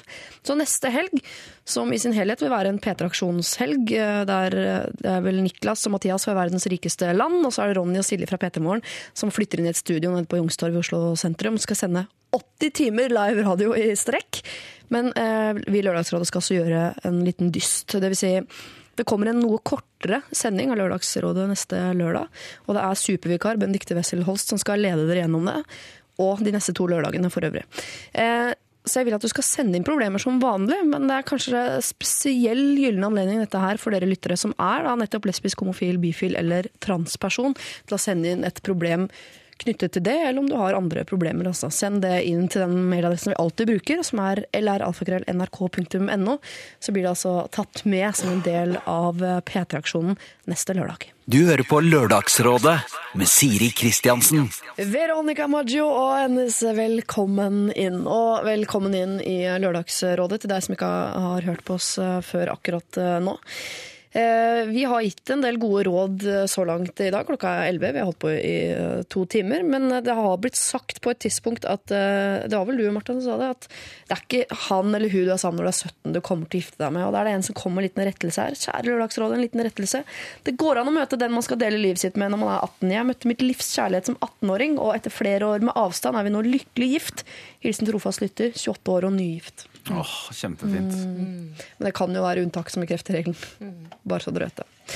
Eh, Vi skal gå videre med eh, problematikk som er kjent for de fleste, i hvert fall for de fleste av oss som har bodd i kollektiv eh, noen gang. De skriver Vi er fem gutter som har bodd i kollektiv i to år. Plutselig har gutt nummer én fått seg dame. Hun er hyggelig, og situasjonen er ikke noe problem i seg selv, men hun er hos oss hele tiden, noe som medfører plassmangel i sofa. Det toppet seg i går da hun var her mens hun var syk, og pesten spredde seg til oss andre medlemmer i kollektivet. Spørsmål. Hvordan kan man legge fram på en delikat måte at hun ikke trenger å henge her så ofte? Eh, ve- Veldig rart at den meldingen har kommet fram så seint, siden eh, hun har pest. Det er har jo sendt for veldig veldig, veldig lenge siden den meldingen. Men er dette kjent? Eh, Hvor, eh, Henrik, Martha, Torbjørn, har dere bodd i kollektiv? Ja. Ja. Ikke sammen, men hva for dere? Ja. Flere kollektiv. Jeg har lang erfaring. Er dette et problem du også har erfaring med? Altså, ja, det, ja det, det der med å kjæreste i kollektiv er jo et, eh, et problem, på en måte. Eh, For man inngår jo en avtale om at vi skal være tre eller fire eller fem mennesker i dette kollektivet. Og når det da plutselig, eh, liksom sånn umerkelig, uten noe diskusjon i forkant, er ett menneske til som bruker av felles areal og goder og ikke betaler, så, så kan det bli problemer. Men hvorfor dukker det problemet opp hele tiden? For det der virker det som alle egentlig er klar over, helt til man får seg kjæreste selv og bor i kollektiv. Så er det sånn, «Å ja, men min kjæreste er det ikke noe Det er akkurat som man glemmer at det der er opplest og vedtatt et, eh, et sånn tabu fy-fy greie. Stort sett ganske unge folk som bor i kollektiv. Og Ja. da er man eh, litt sånn opptatt av seg sjøl, og så er man kanskje ikke så veldig sånn sosialt uh, bevandra alltid. Jeg syns jo at man burde egentlig de burde skrive noen sånn kollektivbøker hvor man liksom med regler hvor, hvor du liksom bare blir satt inn i det. For det er jo ikke Ja, det, man, man får jo ikke akkurat noe opplæring i hvordan det skal foregå, så hvert eneste kollektiv må ta de, ta de samme fightene. Men Er det noe for dere politikere? Kan du noen jeg regler på dette? ikke det. Altså. Nei, gud forby. Men, jeg, men de, det de spør om, det er jo sånn hvordan kan vi ta opp dette på en god måte? Og jeg tror at svaret er det går ikke. Altså, det går faktisk ikke, for nesten uansett hvordan du tar opp dette her, så, det, så, det, så sier du til kameraten din vet du hva, kjæresten din er her for mye. Det, hvordan, hvordan kan du si det på en pen måte? Det går ikke an. Altså, det eneste man kan si, det er sånn Man kan kanskje si at uh, du, det er veldig, uh, akkurat når hun er syk, så kanskje hun må være hjemme hos seg selv eller noe sånt. Og det går muligens an å liksom lufte for han sånn at kanskje det kunne vært bitte litt mer i hennes leilighet eller hennes kollektiv. eller noe sånt. Ja. Men det er jo nesten umulig. Så du må bare, jeg mener at du må bare godta det, faktisk. Du Men kan ikke ta det opp på en også, god Hvis det er akkurat det der med sofaen er trang, så kan man jo kjøpe en stol til. Ja, jeg tipper det er mer at det etter hvert kort utvikling sånn dopapir, lyspærer osv. Dusj. Altså, det Du kan altså be henne slanke seg, da. Eh, Det vil jo Det er alltid en veldig hyggelig samtale, Ja, for det vil, alltid, det vil i hvert fall sette i gang en konflikt som gjør at enten forsvinner hun sammen med kjæresten sin, eller så blir du kasta ut av kollektivet. Men altså, hvis man er kjærester, eh, så bør, man, altså, eh, så bør man jo egentlig begynne å se seg etter noe eget. Eh, hvis liksom, da ha, situasjonen er endra etter at du inngikk den kollektivavtalen. Så, at, så kan ja, man kan ikke bare fortsette å bo sånn ha, for Uansett så er det naturlig at hun er der 50% da, hvis de er resten av tida hos, han, nei, Ja. hos henne. Ja. Så, så det er jo ikke, det er ikke en eh, situasjon som, på en måte, som jeg oppfordrer til. Men På- du var veldig opptatt av, av utgiftene sånn til strøm, og, og det også blir jo litt sånn OK, vi betaler Nå syns jeg din eh, kjæreste skal betale Hun er jo her 50% av tida. Jeg har regna ut at det betyr at med de der flisene på gulvet og varmtvann varmt vann og sånn, så bruker hun 78 kroner i strøm i måneden. Ja. Noe som blir da 210 kroner i kvartalet. Det syns jeg hun skal være med på. Det går jo ikke, det. Altså, er, ikke, er ikke dette en situasjon, Siden alle kommer i situasjonen, skal man ikke bare være litt raus? Så kan man si at vet du hva, det er kanskje litt ubehagelig for oss nå, men alt i alt så er vi glad for at eh, kameraten vår har fått kjæreste. Hvis dette holder, så kommer de jo åpenbart til å flytte ut uh, før eller siden. Og neste gang er det jeg som får meg kjæreste, og da er det hyggelig om hun bit kan være her. Bit i dere, sier jeg. Ja, men ikke ligge på sofaen hvis du er syk, da. Og det skjønner, hva, hva er det? Hva er det hun driver med? Hvis jeg har vært syk, skal jeg ligge sammen som vi, I noen andres, i noen eh, andres stue. Og er det noe du blir sjuk av, så er det å være i sofaen i et kollektiv. Det er jo faen meg det er verste som fins. Så hun må jo Hun må jo skjerpe seg. Ja. Men jeg er helt enig i at man ikke skal være for streng. og komme med sånne her, altså Det verste er jo sånne folk som driver og teller på kroner og ører og, og metere på rullen og sånn. Ikke det jeg mener, men det er liksom sånn hvis man bor der, så bor man der, og da må man eh, altså Jeg, jeg syns sånn rydding og vasking er det største mm, utfordringen i kollektiv. Og da må man i hvert fall ta sin sjau av det, da, og delta på sin uke på badevask og sånne ting. Men det er ikke den største utfordringen at når man bor i kollektiv, så blir man et ganske, etter hvert ganske sånn bedagelig anlagt overfor hverandre. At man kan sette seg i sofaen og se på eh, Friends eh, for hundrede gang samme episoden. ikke sant? I joggebukse og en møkkete singlet og alt sånn. Men plutselig når denne kjæresten kommer inn, som ikke du kjenner så godt, så må man jo plutselig eh, forholde seg til henne som en gjest på en annen måte. Så man kan, da må man inn, ta genser over den møkkete singleten. Man må sette seg ordentlig og late som man egentlig ikke ser på Friends, men man må se på uh, Urix fra i går. òg. det er jo derfor det blir, det blir mye mest, det blir, er stress med en gang dette nye mennesket kommer inn i kollektivet. Jo, men Det er stress, men, eh, men hjelpe som meg, det er jo ikke så mye altså at du ikke kan gå eh, halvnaken og sette deg i sofaen. Da. Det er jo et lite offer sammenligna med at kameraten din har funnet seg en kjæreste som han liker og er glad i. Ja. Eh, Så, jeg, eh, så Det eneste er hvis hun er en heks. Hvis hun er sånn Nei, nå skal vi se på Urix, eh, kan ikke spise det og det, vi kan ikke ha pizza til middag igjen, vi må lage helsekost eller gjøre sånne ting. Så kan du jo ta det opp. Men hvis hun bare er en normalt hyggelig dame, hvis eneste problem er at hun av og til blir syk og da ligger på sofaen, så syns jeg bare man skal godta det. Og så må man tenke at etter hvert får vi også kjærester. Da har vi kanskje noen andre klage, men sånn er det altså. Så får man heller be henne ta med seg en dorull da, hvis man er så opptatt av å ikke bruke for mye penger på det. Eller kan man gjøre det litt vanskelig for henne å være der? Sånn, å, kan, ikke du, kan ikke du gjøre det, kan ikke du gjøre sånn og sånn og sånn mot henne på en sånn artig måte, sånn at hun føler det som en jobb å være der? Sånn, åh nei, nå må jeg bakke kanelboller igjen. Ja. Ja, nei, jeg, jeg, jeg syns ikke man skal Kjip, eh, det er liksom ikke veien å gå. Men, eh, men det er en gyllen mellomting hele veien der. Altså, jeg, man kan, jeg har opplevd å bo i kollektiv hvor de er altfor kjipe. Jeg hadde en, eh, nettopp eh, fått meg kjæreste. Han dusja i Det var første gang han var sover omtrent, og han dusja, og så kommer liksom nabodama og banker på døra og hamrer og liksom 'Du bruker varmt vann! Du bruker varmt vann! Du bor ikke her!' Og jeg bare, utrolig, da, da tenkte jeg ok, her kan jeg ikke bli værende. Så flytta du ut? Eh, ja. Hjem til han. Hovedproblemet her er jo kollektiv. Du har ikke bodd i kollektiv, Henrik? Ser jeg for meg. Nei da. Har du ikke det? Er du gæren? For du syns det er for møkkete, ikke sant? Det Alt er feil med kollektiv. Hva hva da? Ramse opp. Alt. Kjempelite. Jeg er helt enig. Altså. Jeg, er, eh, ja, jeg kunne faktisk ikke bodd i kollektiv. Jeg hadde fått Kan du ikke bare bo på hotell? Det er mye, mye diggere. Sjekk inn på et hotell. Nok en gang, løsningen er bli med, bli med, bli standup-komiker, bli med på et populært show på en riksdekkende kanal. Så har du råd til å bo på hotell eller kjøpe egen leilighet. Det er ikke noe vanskelig. Lørdagsrådet på P3. Vi eh, skal ta for oss litt eh, venninneproblematikk eh, igjen her i Lørdagsrådet. Det er mye venninner der ute som, eh, som krangler, for å Jeg si det har, sånn. jeg har venninner, så jeg kan kjenne meg igjen. Har du venninner, Henrik? Gratulerer med det. Men her er det altså uh, en som har problemer med venninnen sin. Eller ja, dere skjønner etter hvert. Kjære Lørdagsråd. Trenger hjelp med et aldri så lite problem som har oppstått. Når jeg begynte på universitetet i høst, fikk jeg mange nye venner, blant annet ei jente jeg syntes virket hyggelig og grei. Etter hvert som vennskapet utviklet seg, oppdaget jeg at det slettes ikke var tilfellet. Nå anser jeg dette kvinnemennesket som et uh, usedvanlig frekt og ondskapsfullt vesen av art- arten homo sapiens. Ja, hun gjør meg rett og slett kvalm. Vi har ingenting til felles. Hun driter meg ut foran andre, snakker nedlatende til og om meg, mens hun etter min mening er veldig eh, beggy og kjedelig. Hun byr ikke på seg selv, hun bryr seg ikke om samfunnet rundt seg, og erter meg, som er politisk aktiv, for at jeg gjør det jeg gjør. Hun er rett og slett en forvokst drittunge. Beklager ordvalget, men det er vel greit her på P3. Det er greit.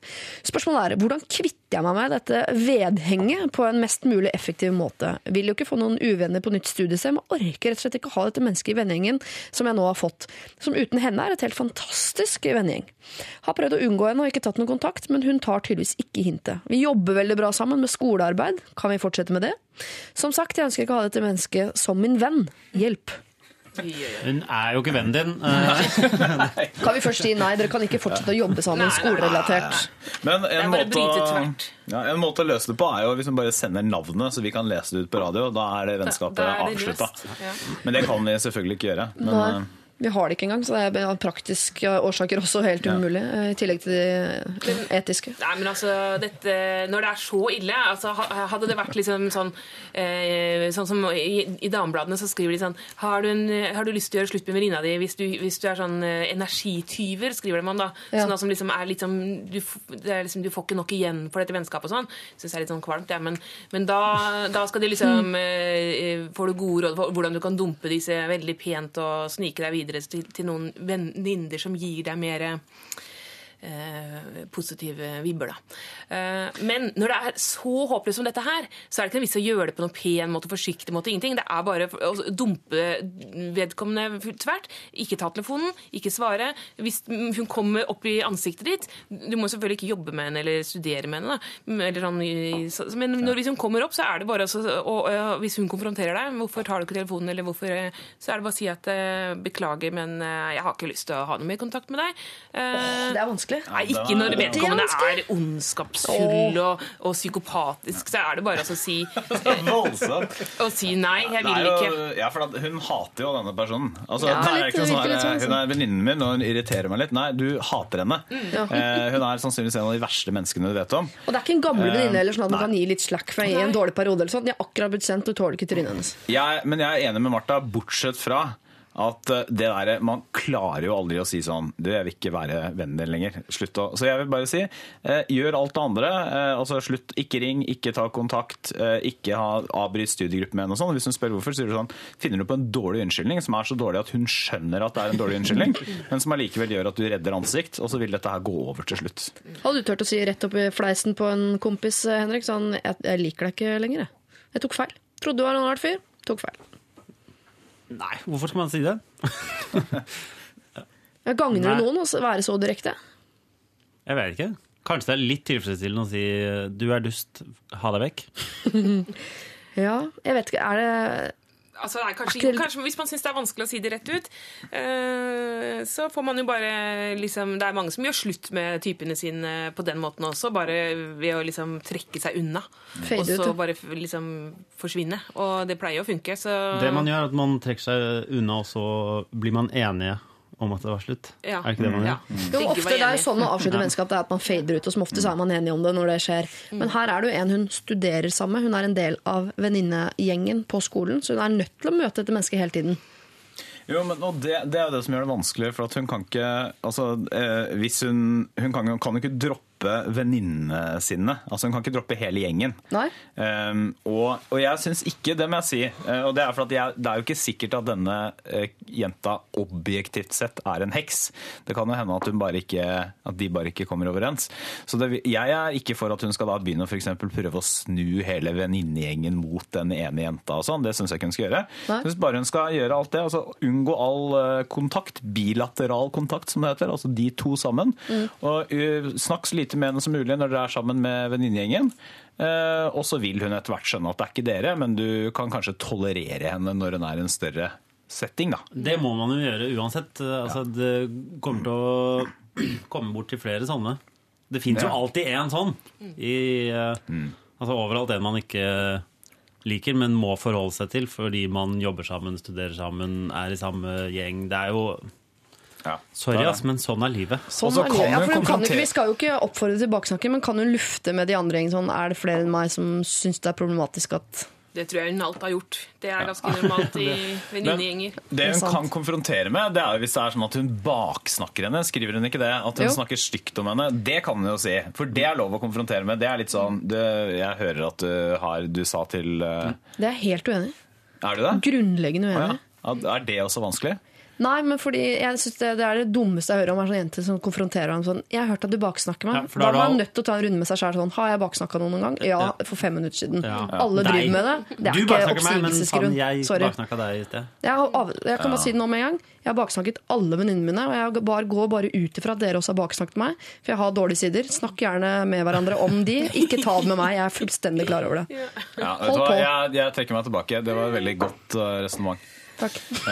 Så fortsatt med fortsett med baksnakking. Eh, Ja, litt baksnakking er det plass til i samfunnet, rett og Keep up baksnakking. Ja. Mm. Det føles feil å si. Men, men da, da er det jo Det er Men da har vi jo da, Det vi egentlig mener da, det er jo at hun er, hun er inne på noe med det hun gjør nå. Ja. Eh, Og at hvis hun ikke tør å ta den konfrontasjonen, som jo de aller fleste av oss syns er vanskelig, Mm. så må hun bare dra av plasteret veldig veldig sakte. Så det vil jo ta litt lengre tid, men til slutt så vil ta, altså alle tar hintet til slutt. Ja. Jeg ønsker ikke å ha dette mennesket som min venn. Hjelp. Ja, det er bare Det er å fade ut. venn, ja. Slutt å, å ha skolearbeid sammen. Ikke kall henne for din venn. Men da er, da er du det- Man er jo ikke venn. Nei. Men du må jo antageligvis forholde deg til mennesket uansett. Ja, du må forholde deg til at hun er i samme gjeng som deg, men det betyr ikke at at du- dere må ha bru- se- bilateralt samkvem. Ja, bilateralt. Det er da, altså, da er det to stykker, da. Da er det to stykker, ja. Men hun, altså, hun- hun kan jo ikke sette i gang en eh, mobbekampanje og, og, og fryse henne ut Absolutt av eh, universitetet, liksom. Hun, Det, det, det var sånn, hun kan jo ikke Eller kan hun? Eller- det var veldig kan sånn underforstått i det du sa nå. Det er ikke lov. Og hvis hun konfronterer deg med 'jeg syns du har trukket deg unna' og eh, 'hva har skjedd' og sånn, da kan du vurdere å hvert fall gi henne deler av sannheten, men ikke si alt det som du har sagt til oss i mail, da. For det er ikke noe hyggelig å få slengt i fleisen. Ja, eller en dårlig unnskyldning som er så dårlig at hun skjønner det, men at du redder ansiktet. Altså, jeg mener at det er helt Altså, greit. typen, «Sorry, jeg kan ikke, jeg må sjamponere håret». Så, ja, altså, men sånn, jeg, Jeg har så, jeg har hatt så mye å gjøre og Nei, jeg, jeg, jeg må Jeg syns ikke vi jobber så bra sammen med skolearbeid eller et eller annet sånt som er altså Bare for, for å slippe å ta konfrontasjon, for at det er vanskelig. Så ideelt skal man alltid ha dialog og snakke sammen, Ja. men eh, når man ikke klarer det, så må man bare gjøre det tydelig på en annen måte. Jeg sier til deg, som jeg har sagt til alle andre i dag, eh, send oss en oppdatering på hvordan dette her går. For vi er faktisk genuint nysgjerrige på om de rådene vi gir, funker sånn eh, i praksis. Eh, til en annen gang, f.eks. Eh, send inn på mail eller alfakrøll.nrk.no.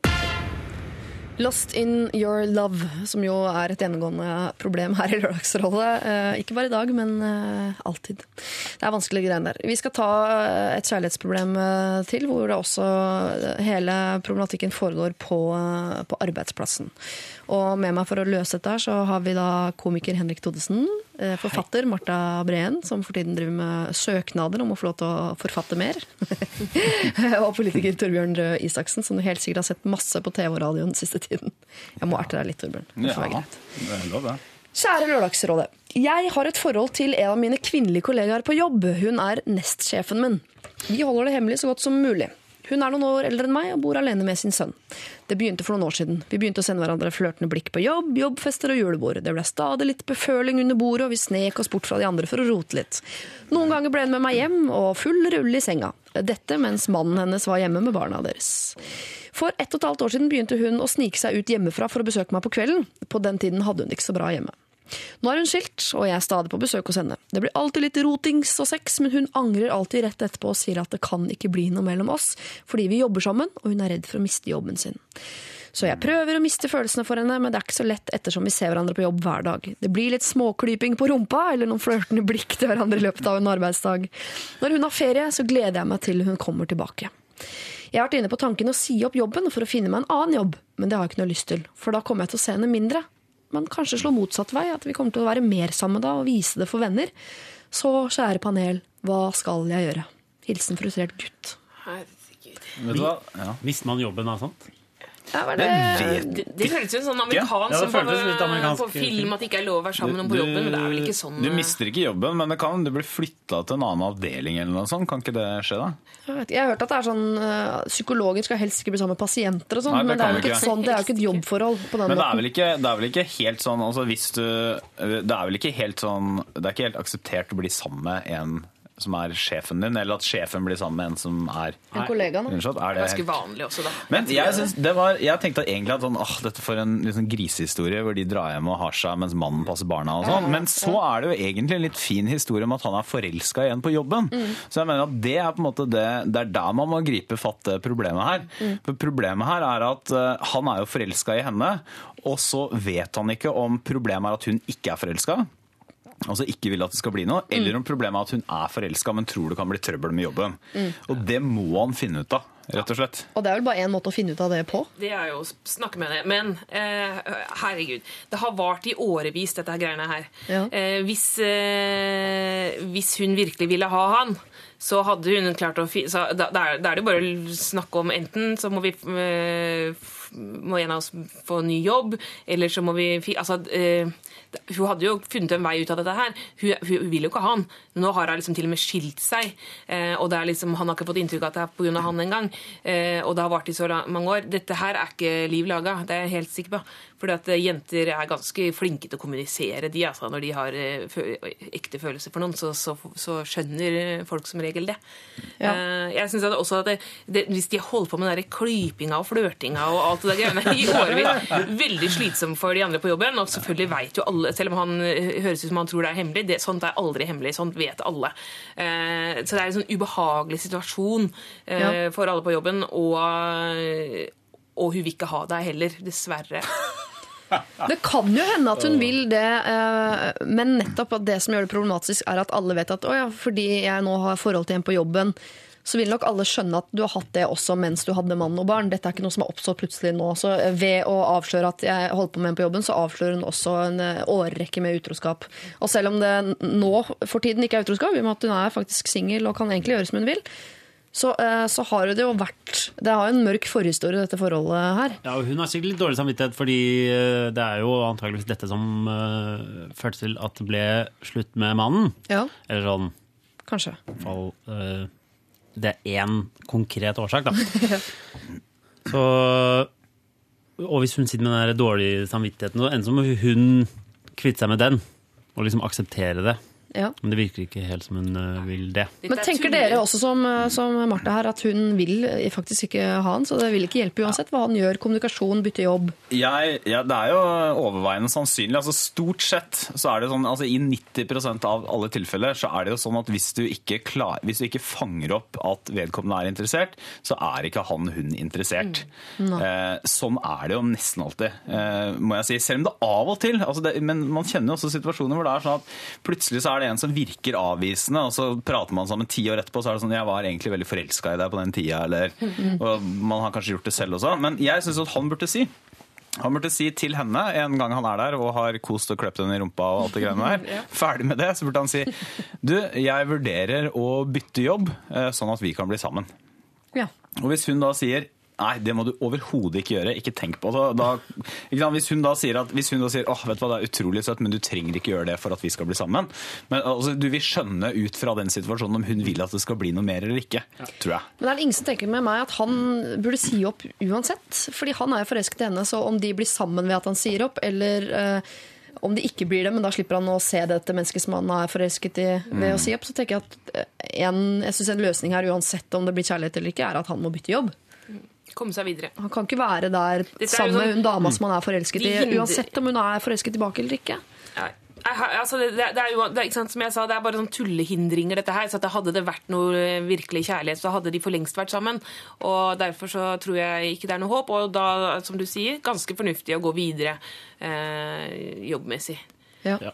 Bare før du gjør det, husk å ta de bildene oppå kopimaskinen eh, først, da. Ja, vent til etter julebordsesongen. For de er veldig kjekke å ha. Veldig konkrete tips. Eh, Få med julebordsesongen der du er nå. Og så på andre sida eh, rett over jul, på nyåret, start med blanke ark. Få deg en ny jobb. Og hvis det er kjærlighet, at dette er en av de 10 hvor det er noe kjærlighet, så kommer dere til å bli sammen. Og hvis ikke det er det, så slipper du å se henne hver dag. Jeg syns det er litt vel strengt, så jeg, vil bare, så jeg ville sagt at du må først sjekke om dere kan bli sammen eller ikke. For at hvis det er sånn at hun sier ja, vet du hva, åh, utrolig flott, jeg vil gjerne bli sammen, da kan du vurdere å bytte jobb. Hvis ikke, så kanskje du kan bytte avdeling. Da. Det kan jo hende dette er et stort selskap, og du kan jobbe en annen del av bygget eller noe sånt. Ja. Eh, Det er jo ganske dramatisk å bytte jobb. Man må bare- sjekke at man har en annen jobb å gå til, kanskje, Ja. først. Ja, men Begynn å titte litt i Aftenposten, i hvert fall, eller på Finn, eller sondere terrenget litt på jobbfronten, og kanskje litt på kjærestefronten òg. Holdt på veldig lenge nå uten noe særlig progresjon, spør du meg. Sånn, Ja, for det burde ha skjedd noe nå. Men det Det er jo veldig flott. Altså, han vil jo åpenbart da, han er klar for å bli eh, stefar, f.eks.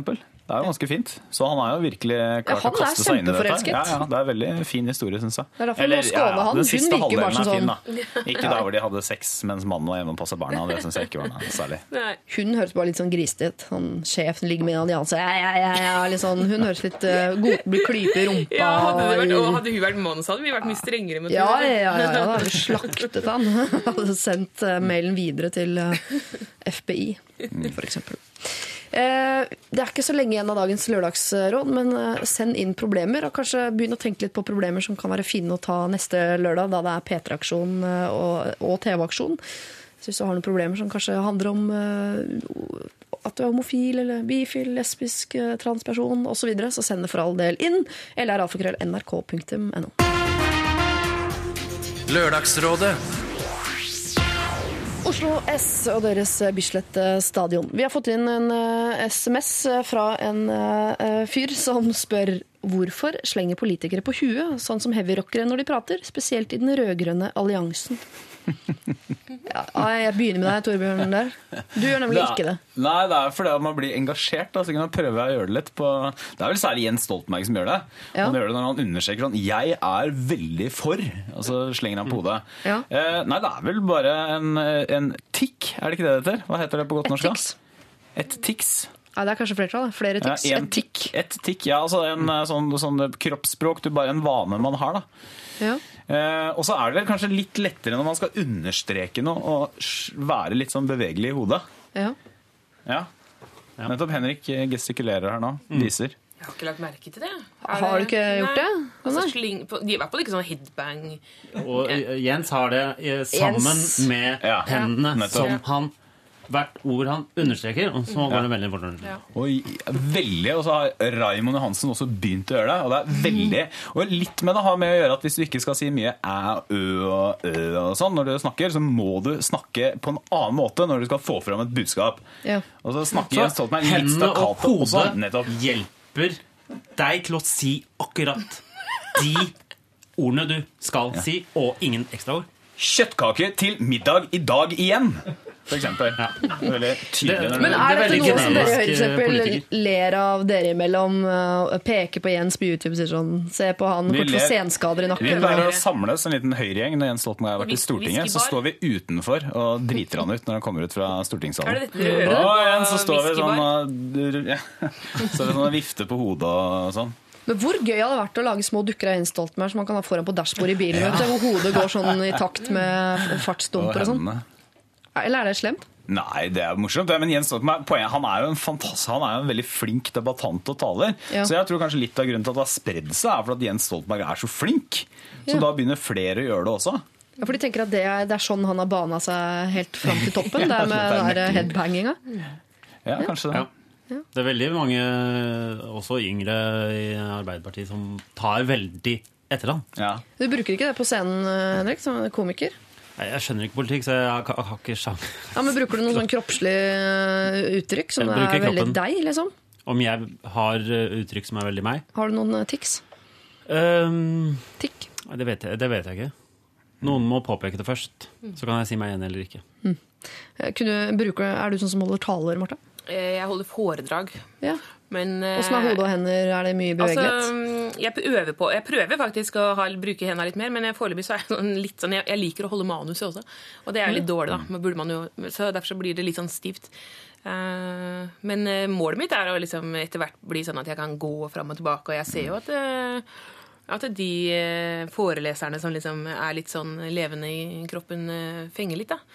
Kanskje er det Jens Stoltenberg driver med? At han eh, vil egentlig se ned i papirene sine hele tiden. Så jeg tenker Hvis hodet er altså hele tiden i bevegelse, så er det ingen som reagerer på de små tittene ned i manus. At det bare er en del av bevegelsen. Ja, rister løs. Jeg synes den beste Jens Stoltenberg har, det er den som ligner den der, Du tar sånn eske her oppe, og så eske der nede. Nå er det jo selvfølgelig, Ja. Dette er radio, så det er ingen som ser det, men du, går liksom, du tar hendene opp og ned på den ene siden, og så tar du hendene opp og ned på den andre siden, litt lenger ned. Som om du er sjekker hva som er mye julegavene. Her borte, og så Ja. her borte. Jeg skjønner hva du mener. Vi burde ha lagt ut på YouTube akkurat det der. Det gjør vi Det altså ikke. sikkert. Du hører på Lørdagsrådet med Siri. Hanne Kolstø der, La La La La Love Song har du hørt i Lørdagsrådet. Og vi har hatt veldig mange problemer i dag fra arbeidsplassen, og mye ekseproblematikk. Eh, og nå skal vi da dele ut en T-skjorte til den av innsenderne som eh, dere mener fortjener noe litt sånn ekstra. Henrik Thodesen, Marta Breen og Torbjørn Røe Isaksen. Dere kan velge mellom følgende. Kan jeg først Jeg kan, kan sende en eh, T-skjorte til eksen min. Ja, Fordi hun er jo Hvem blitt gravid nå, er, så hun trenger sikkert en del nye klær. Er det en som Fordi ikke trenger noe mer klær, så er det Sigrid Bonde Tusvik. Ja, men hun, hun, så- hun kommer til å bli innmari tjukk nå. Eh, Det håper jeg. det håper jeg inderlig at hun kommer til å bli skikkelig smellfeit nå. Og derfor trenger hun uh, kanskje en extra large uh, T-skjorte. Ja, en rosa extra large P3-T-skjorte. Den rosa er vel den fineste, så har du noen styggere farge enn det? Jeg syns det er den styggeste. Ok, ja, men da tar vi den. Ja. I tillegg så er det en som kan få T-skjorte av dere i dag, og da kan dere velge mellom. Jenta som ikke ønsker at hennes gode venninne skal begynne å jobbe på samme arbeidsplass som henne selv. Den nydelige 17-åringen som var usikker på hva hun skulle gi i ettårsgave til kjæresten sin. Altså, De har vært sammen i ett år, det er ikke han som er ett år. Eh, Så har du da de to gode venninnene som lurte på eh, hvordan kameratene deres skulle få seg noe. Altså sex uten forpliktelser utover det. Eh, Så har du han som ikke kommer over eksdama si etter fem år, og nå sender hun svake signaler som han ønsker å plukke opp. Så er det han som forsover seg to av fem dager i uken. Kollektivet der en av gutta nå har fått seg dame som tar opp plassen i sofaen, og det er også nå i en periode hvor hun har fått eh, pest eller en eller annen sykdom. Klassisk. Eh, Så har du han som har et hemmelig forhold til sjefen sin, som ikke vil satse på forholdet fordi hun er redd for å miste jobben. Eller jenta som dessverre har fått seg en ny venninne som viser seg ikke være en veldig bra person, og nå angrer hun på at de helt tatt kjenner hverandre. Eh, Hvem av de fortjener en T-skjorte? Når, du- når du leser opp sånn, så, så tenker jeg liksom at eh, norsk ungdom har det jo ganske bra, da. Ja da, vi har det kjempefint her i verdens rikeste land. hva med hun eh, med, med ettårsdagen? da? Så er på en måte problemet Så Ja. har vi på en måte løst problemet allerede. Da har han T-skjorte å gi. Altså, Altså en herre-T-skjorte, da, med andre ord. En Skal hun få herre-T-skjorte, meg. Ja.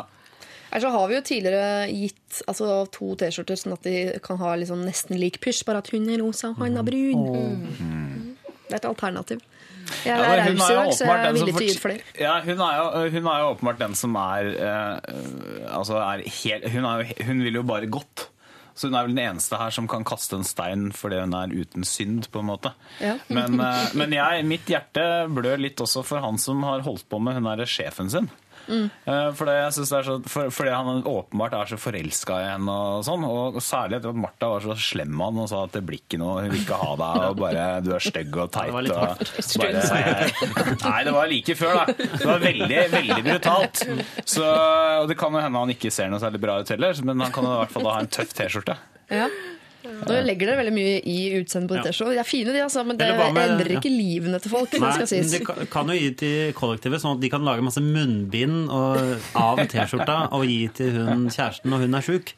Ja. Eller hvis alle i kollektivet en dag neste gang kommer på besøk går rundt med P3-T-skjorte, så må hun jo begynne å lure litt. Ja, ja, det er litt uh...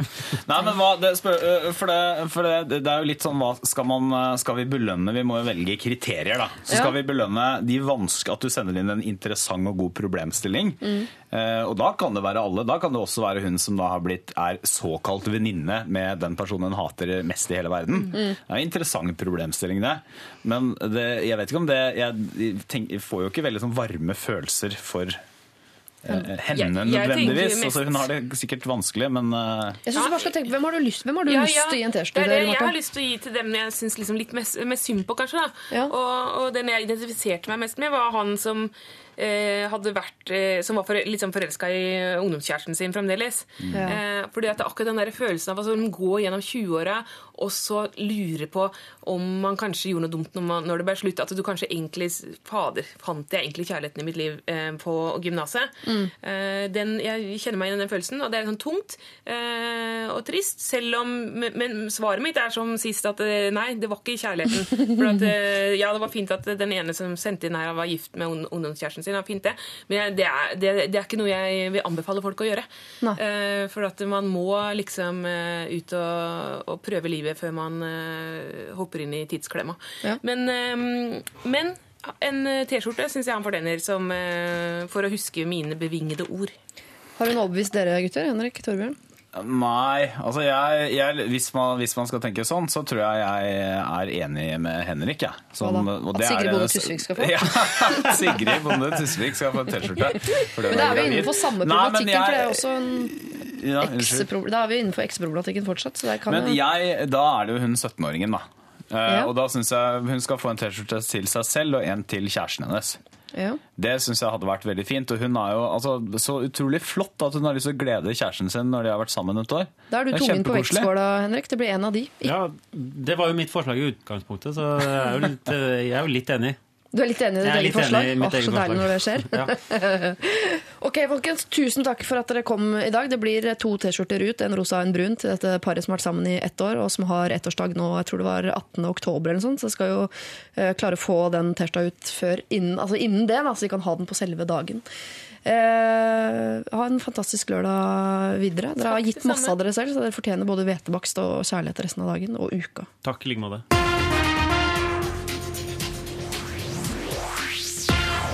Hey boy, hey girl, The Chemical Brothers hørte vi der. Og jeg har sendt eh, Martha, Henrik og Torbjørn videre ut i dagen. eh, og det skal du også straks eh, få lov til. Men først så tenkte jeg at du skulle få lov til å gå inn på Facebook. og legge inn dine umiddelbare kommentarer til dagens problemer. Hvis du har noen andre synspunkter enn de som ble belyst her i dag. Og så finner du et veldig fint bilde av dagens lille gjeng. Det ligger ute der nå også. Eh, Er du en av de som har vært så heldig å få gode råd i dag, så fortell oss hvordan eh, det gikk, hvordan det går. Eller alfakrøll.nrk.no. Fikk du ikke råd, så ikke bli lei deg. Vi kaster ingenting, vi bare flytter det. Og hvis ikke det går fort nok for deg, så kan du jo purre på mail, eller kanskje sende inn nye og forhåpentligvis større problemer til oss her i Lørdagsrådet. Dagens eh, sending kan du laste ned som podkast om en ti minutters tid via de kanaler du måtte foretrekke. iTunes, NRK, lignende.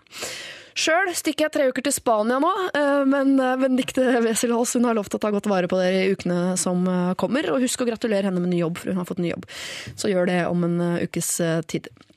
Eh, ja, da har jeg ikke noe mer å si. En god lørdag videre. Vi avslutter med Jenny Langlo og hennes Million Dollar Signs her i eh, Lørdagsrådet. Ha en fortreffelig lørdag.